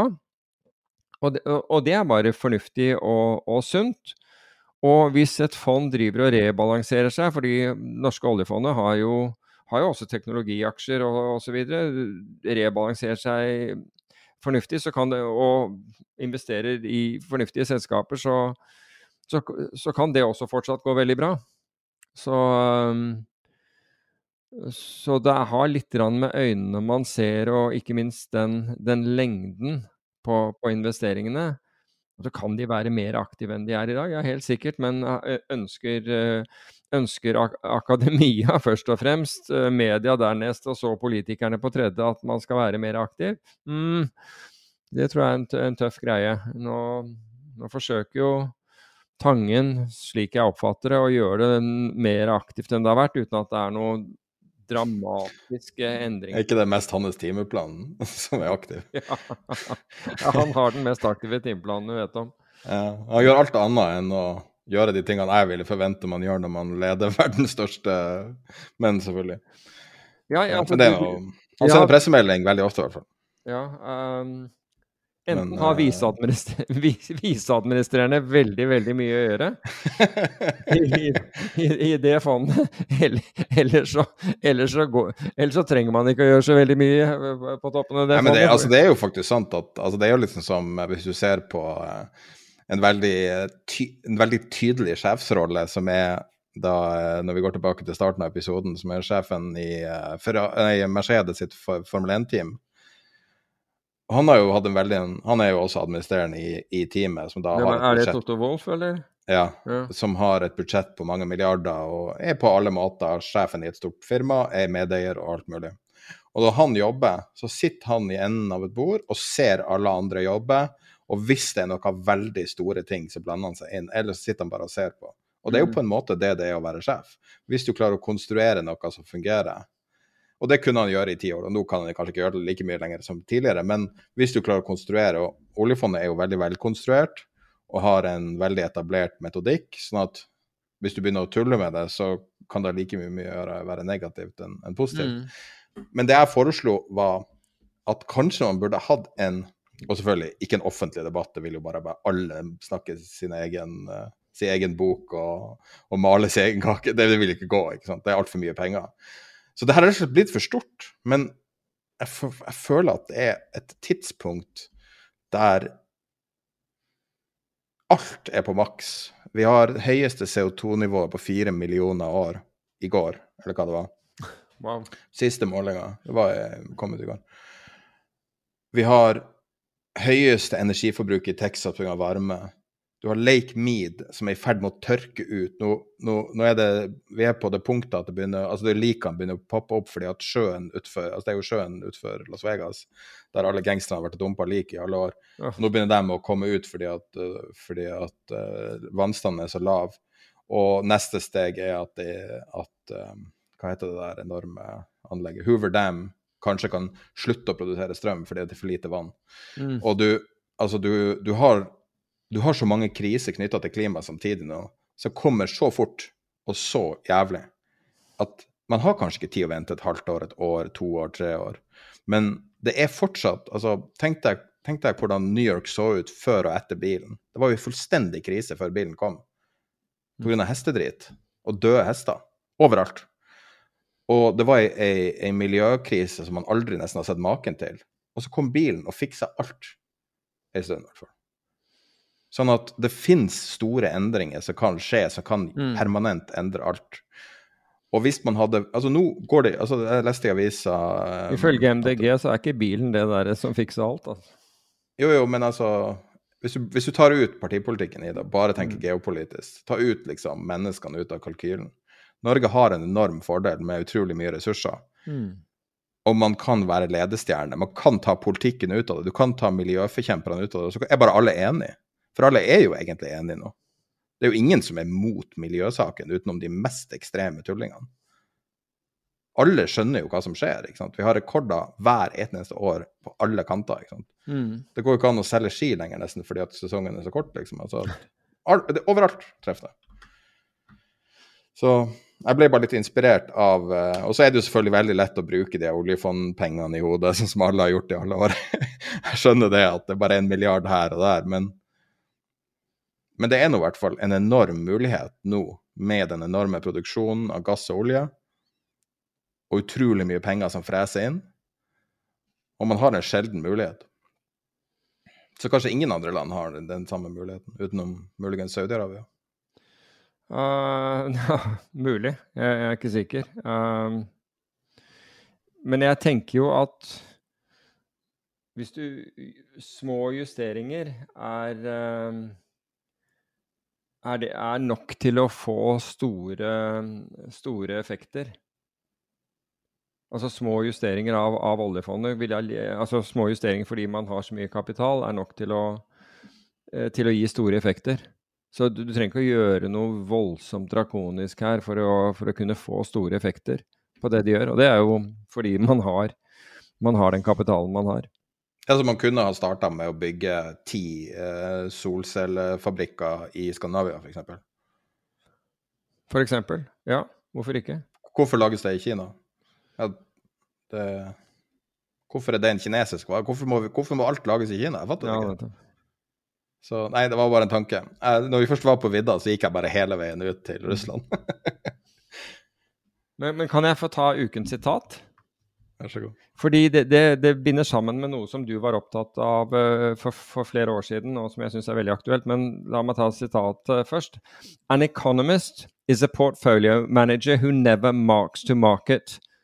Og det er sant. altså Økonomer kan mene hva de vil om alt mulig, men de blir aldri holdt ansvarlig for, eh, for uh, prediction, som heter hva for noe? For, for spådommene sine. For, um, og der i USA så har man jo gjort noe når det gjelder det. Fordi der har du jo Og du snakket til meg om dette, dette må jo være tilbake i 2013 eller et eller annet sånt. Snakker jeg om det her? Ja, om prediction markets, ja. Å ja, ja. Skal vi snakke om det? Ja, altså, vet du hva? Det er jo, det er jo direkte forløper av podkasten. Jeg vet ikke om du vet hvor direkte Skal jeg være helt ærlig med hvordan podkasten ble til? Nei, ikke vær så ærlig. Jo, jo, skal jeg gjøre det? Kan ikke jeg gjøre det? Okay, Så kan, vi klippe det, så kan vi klippe det ut hvis det, hvis det blir for ærlig. Så jeg var veldig fascinert av eh, om det var um, Hva det heter det der? Det var et sånt prediction market der du kunne vedde på politikk og alt mulig, men de lagde da markeder, finansielle markeder for prediction trading. Og så begynte jeg å være veldig fascinert av det, og så tror jeg det ble lagt ned. Og så begynte jeg å snakke med deg om det, at jeg syntes det var så kult at man Så var det liksom der, den der ideen om å shorte din egen bolig kom inn i hodet. Altså hvis du kan, hvis du kan in, eh, så finansifisere alt, hvor langt kan du ta det? Kan du Mm. lage en indeks av f.eks. boligmarkedet i ha Hammerfest? Er det mulig, liksom? Kan du ha, eh, Mm. kan du ha en, et ordentlig marked, velfungerende marked, der du kan eh, på en måte hedge opp veldig direkte risk? Sånn at Og så, så snakka vi om det her når vi brukte å drikke kaffe der nede på Rådhusplassen. Og så av en eller annen grunn så klarte jeg å overtale deg til at vi skulle lage en prototype av det her, Mm. som da var av meg, og det var masse volatilt rundt det, da, som eh, ble laga, som du finansierte. Og, og så skjedde mange ting. For jeg drev med flere businesser, og var, var veldig, alt var veldig volatilt. Og så på en måte gikk det her litt i glemmeboka, sånn som ting kan gjøre hvis du ikke har laserfokus på det. Var mye feil, 100% Og så, og så fikk jeg på en måte aldri gjort godt for det her bettet. Og så Og da hadde jeg ikke så veldig lyst til å jobbe med media mer, egentlig. Og så kom denne muligheten med podkast. Og i mitt hode så tenkte jeg endelig føler jeg at jeg kan gjøre godt for de, for de pengene. Og det, og, og det, gjorde du også, absolutt. Og, og, det var jo også hvordan vi, hvordan vi, løste alle tingene. Men det var direkte årsaken til at jeg For da hadde jeg brent meg på et annet prosjekt og var veldig ferdig med finans, var veldig ferdig med alt med media, og tenkte at eh, Men pga. den tingen at jeg kan ikke la det her være uavklart. Mm. Og det var derfor, derfor jeg ble med på podkasten. Men la meg fortelle altså, jeg, jeg, Det har du sagt til deg. Hva sier du? Nei, altså Jeg jeg sagt. Men, men eh, altså implisitt så skjønte jeg det. Implisitt så skjønte jeg det, fordi jeg altså jeg, Du har lært deg å, å, å, å, kjenne, så så visste jeg at du følte på det der. Så implisitt så skjønte jeg at, uh, at, at, du tenkte sånn. Uh, men eh, var, vi hadde noen sånne eh, litt feil forutsetninger, har jeg oppdaget siden når det gjelder dette med prediction markets. Fordi vi var ute etter f.eks. å få en, en, en, en, investeringsbank, en utenlandsk investeringsbank, til å være marketmaker i dette. Og i virkeligheten så bruker man ikke Og det visste jeg ikke. På det tidspunktet så trodde jeg at du trengte marketmakere i dette, men det er ikke slik det virker, visstnok. For jeg hørte på en en podkast om prediction markets i forrige uke. Det var sånn, sånn dette kom opp. Og det var til, helt tilfeldig at jeg koblet det med det som uh, det sitatet til, uh, til, Howard Marks i, i Oaktree. Uh, nemlig at en, altså en, økonom er en porteføljeforvalter som aldri blir stolt, uh, stilt, altså hvor, han, hvor, resultatene hans aldri blir, blir, Hvor han aldri blir stilt til ansvar for sine resultater. Og, tenk, og, og det, denne prediction, altså dette prediction market da forteller vedkommende at eh, det du kan gjøre, er f.eks. Altså du, ta f.eks. norske økonomer som måtte mene noe om, som vi selv av og til gjør også, om, eh, om inflasjon. Og hvis jeg var helt sikker på at inflasjonen altså Du kunne ha en prediction at eh, inflasjonen skal være over X i tredje kvartal, fjerde kvartal i år, eller et eller annet sånt så kan du så, La oss si at Bare for å ta et tall, la oss si at det var um, God forbid uh, 7,5% Og så kan du, kan du, da si at 7,5 og, og jeg er da villig til å betale X per ikke sant? På, på syv, Hvis den er over, over 7,5 uh, så, så stiller du en odds på det. Og da er det egentlig om noen i markedet tar deg på den så la, la oss si at, uh, at du er uh, at, at, du er at du, at du føler deg relativt uh, sikker på det, så, så, så, vil du da vedde på det. F.eks. 10 000 kroner eller et eller annet sånt. Og det de gjør, er at de vedder ut ifra én dollar. Så hvis, liksom, hvis den ene parten Hvis det er liksom 30% sannsynlighet, så, så vil du da få Eh, da vil du få tre ganger pengene dine hvis, var, eh, hvis den er over 7,5% og hvis den, er, hvis den, er, under, så vil du, vil du da få litt, litt uh, under halvparten av altså Da er du 70% for at den er, er, under. Så vil du få litt altså Da vil du, du få tilbake en dollar. Du, stiller, du, du vedder 70 cent, får tilbake en dollar, altså litt under, litt under 50% avkastning på det. Og disse markedene, og, og, og, det de gjør da, er at de har en bank eller en finansinstitusjon som klerer traden. Slik at hvis jeg er villig til å velge, vedde på at inflasjonen er, er, over, og mener at det er øh, 30% øh, altså, Eller med, med, med 70-30 odds øh, på, på, dette, så vil jeg da deponere denne dollaren eller den, i vårt tilfelle antall kroner, eller, kroner, hos denne tredjeparten, som da sitter på pengene, som sørger for at, at og, og, vedkommende får da inn eh, penger fra, fra, motparten også. Og da er um, slik at begge, begge, parter vil bli gjort whole hvis, hvis, uh, på, på, dette veddemålet. Så det er sånn det er, det er, arrangert. Og jeg tenker jo at Det var sånn jeg tenkte opprinnelig, at, at ja, jeg ville det skulle fungere. Norge, hvor, men det er likviditet som er problemet. ja, ja, og likviditet kan være problemet. Og du kan si at du må da, du må da tro på at altså du, I utgangspunktet må du da tro på at du, altså du, du putter dette på en eller annen side. Du kan ikke bare putte ba, bare tull, men la oss si de, de økonomisk statistikk hvor børs Er det jo én ting som, som, eh, som, pressen elsker, så er det hvor børsen skal være 31-12, eller i hvert fall siste dagen i, i, i året. Hvor, hvor, mye avkastning. Du kunne ta bedt på det istedenfor at alle økonomer sant, mener at den skal være opp i hvert fall 20% så kan du se ok, hva, hva, hvor mye stiller du på det? Hva, er du, hva, er du, til Hva er du villig til å sette av penger på det? Og Da får du for det første avslørt ved, eh, hvor, hvor, sikre disse, disse, prognosemakerne er. Og det andre er at du kan gå imot, eller du kan gå med. Så du putter dette her opp på en side. Og hvis dette fatter stor interesse, så vil da disse oddsene endre seg etter hvert som det kommer inn mer, flere bets på det osv. Altså, det kan være at noen sier at jeg altså La oss si, la oss si børsindeksen på, på, slutten av året, ja, at jeg tror er, at den sannsynligheten øker. Da er jeg villig til å by opp for det. Vet du hva du beskriver nå? Hva sier du? Vel, du beskriver et velfungerende marked med price discovery, er det du beskriver? Ja, altså du kan si at et, ettersom du ser dette på en side, men det er jo ikke velfungerende fordi eller det kunne være velfungerende. Men tenk... altså, det har vært forska masse på prediction market. Uh, prediction market. Vet, og, det er en gammel oppfinnelse. Og det funker. Det er bedre å spå enn hva folk sier. Ja, men jeg tenker jo også istedenfor at du får i, I, Norge har du en hel haug uh, mennesker som Eller i hvert fall noen mennesker som blir betalt for oppslag i avisen. Hvor mye oppslag de, de klarer å skaffe sitt, uh, det selskapet, det finansforetaket de de representerer, hvor mange oppslag de får. Og det er veldig mye mer penger enn du tror. Ja, antageligvis. Og du kan si at la nå de være, bli ans plutselig bli ansvarlig for disse og, og, det er klart at det finnes noen her,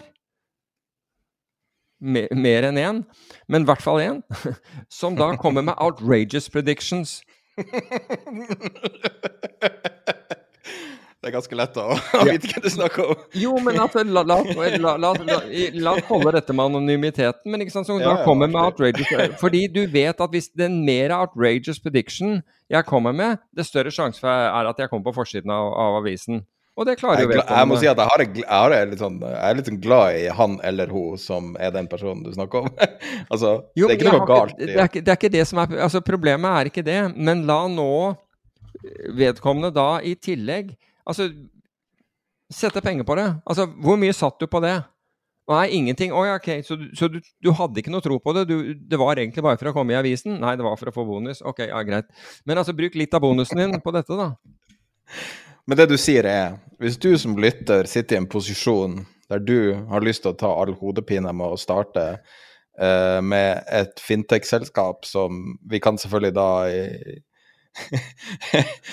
det hjelper deg å prise helt astronomisk, alt skal være fantastisk, mens du må ta all hodepina. Skal du få så mye PR du vil i tid og penger, mot en cut. Og så kan du få vite alle hemmelighetene med alle de her årene. og det hadde vært en sånn perfekt crescendo for noe fem år etter vi starta. Mm. For det var virkelig nøyaktig foranledninga var at jeg fucka det opp og hadde dårlig samvittighet i en to, tre, fire år, og så bød muligheten seg der jeg kunne i anførselstegn betale tilbake. Mm. Det ble litt mer enn det opprinnelig investerte, men det er jo bra.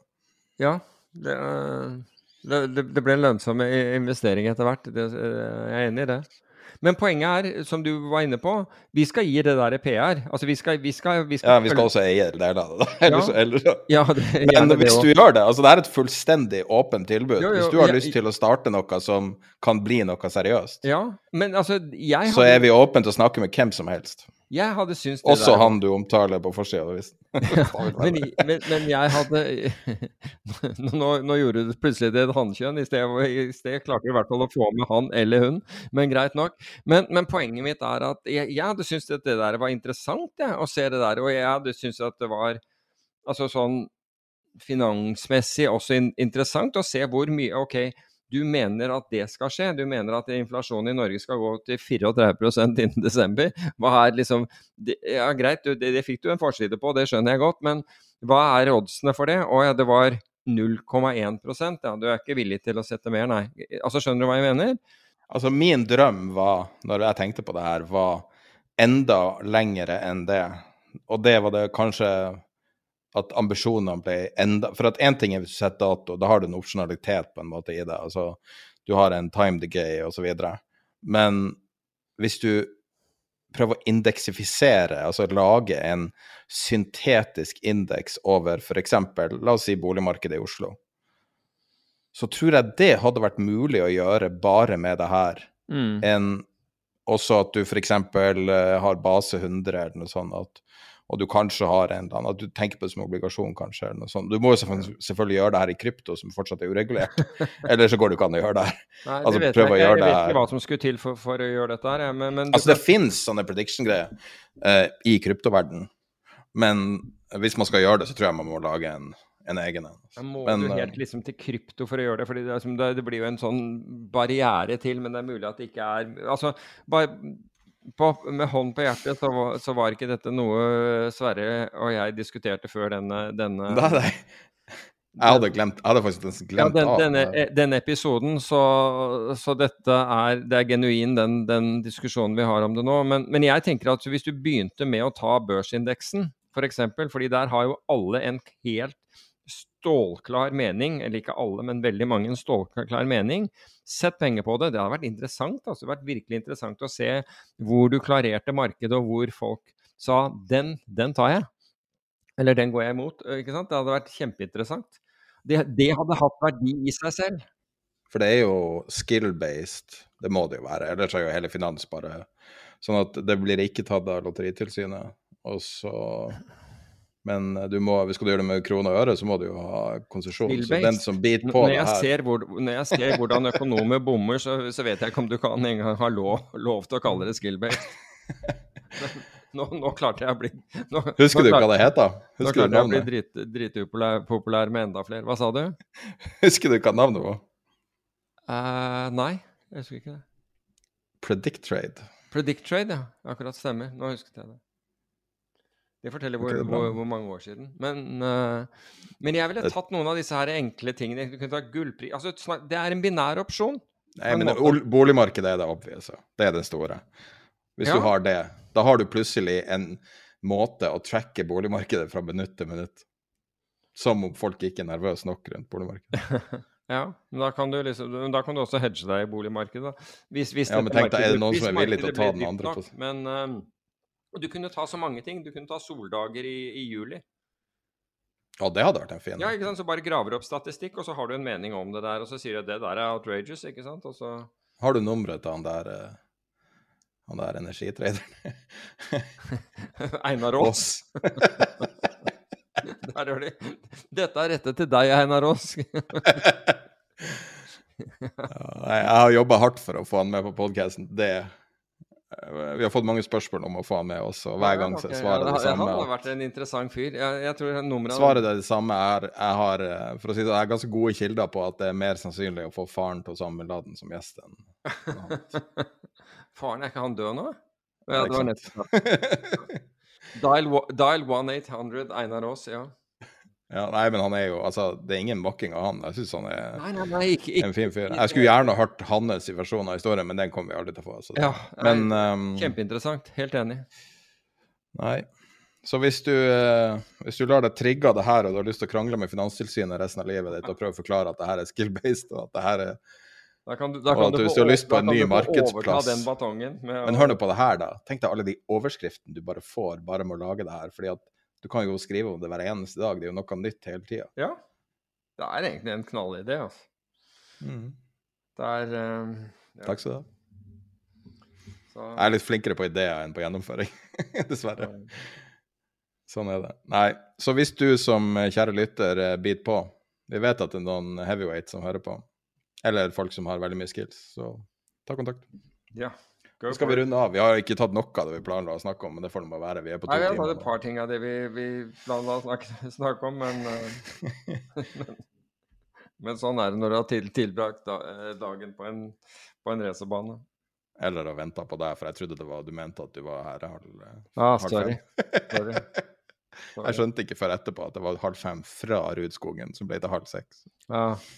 Jeg kan avslutte, men altså, nå er jo det, det fremme i, media. Men det er interessant at Paul Singer, da, Elliot Management, altså dette hedgefondet, saksøker eh, LME, altså land, børsen, London Metal Exchange, for 456 millioner dollar for å ha kansellert 6000 eh, eh, 6000 handler i nikkel, som ikke bare uh, Paul Singer, men uh, Cliff Asnes og en rekke andre mener ble gjort for å redde uh, for å redde flere av børsens medlemmer fra å gå konkurs. Kanskje også banker, apropos det der med, som var snakket om i, i forrige podkast, hvor en av de store finansaktørene holdt på å gå over ende i, i, i, i 2020. Men det er en ekstrem sak uh, at, at børsen da kansellerer handler. Det er helt ekstremt. Og heldigvis så har man da uh, fond som, uh, som er villig til å gå imot dette her. Og det er jo typisk at det må være hedgefond til, fordi, fordi aksjefond de, de, de bryr seg ikke døyten om om, om folk sine penger i forhold. Det må være liksom må være, må være hedgefond. Så eh, Men og I den forbindelse så, så jeg en statistikk som ble, ble, ble sendt ut, jeg skal sende til deg etterpå, hvor folk ble spurt om um, In general, which type of fi finance career, professional, do you have the most respect for? Og der var det og, og, der var, og de fire valgene du fikk, var hedgefond, investment bank, altså hedgefond, investeringsbank, private equity eller venturekapital. Hvem tror du kom nederst på listen? Hedgefond. Det, altså det hadde jeg trodd om. Det har skjedd noe i hedgefondverdenen. Altså. De kom øverst. Fikk 54% tilslutning. At det var, det, det, det var faktisk Ja, venture må være lavest, da. Det er helt riktig. Venture var lavest. Private equity var, var nummer to, altså ovenifra. Og investment banks, det, altså det er kommet ned på 13% Og 13 er vel Jo, det er Jo, er det det samme som pedofile? Eller er den Eller er pedofile 14 Jeg er ikke sikker. What? Det er livs... Det er, det er livsfarlig med det her kveldspodene. Så, ok. Anyway. Du Anyway. kommer til å bli drept en, en eller annen dag, så kommer en av de her. Du klarer faen ikke å holde kjeft. Du må Ja, jeg tror, jeg, kanskje vi skal slutte før jeg drar dette her enda videre. Ja, vi, vi ses om en uke. Eller før på Patreon hvis det skjer noe.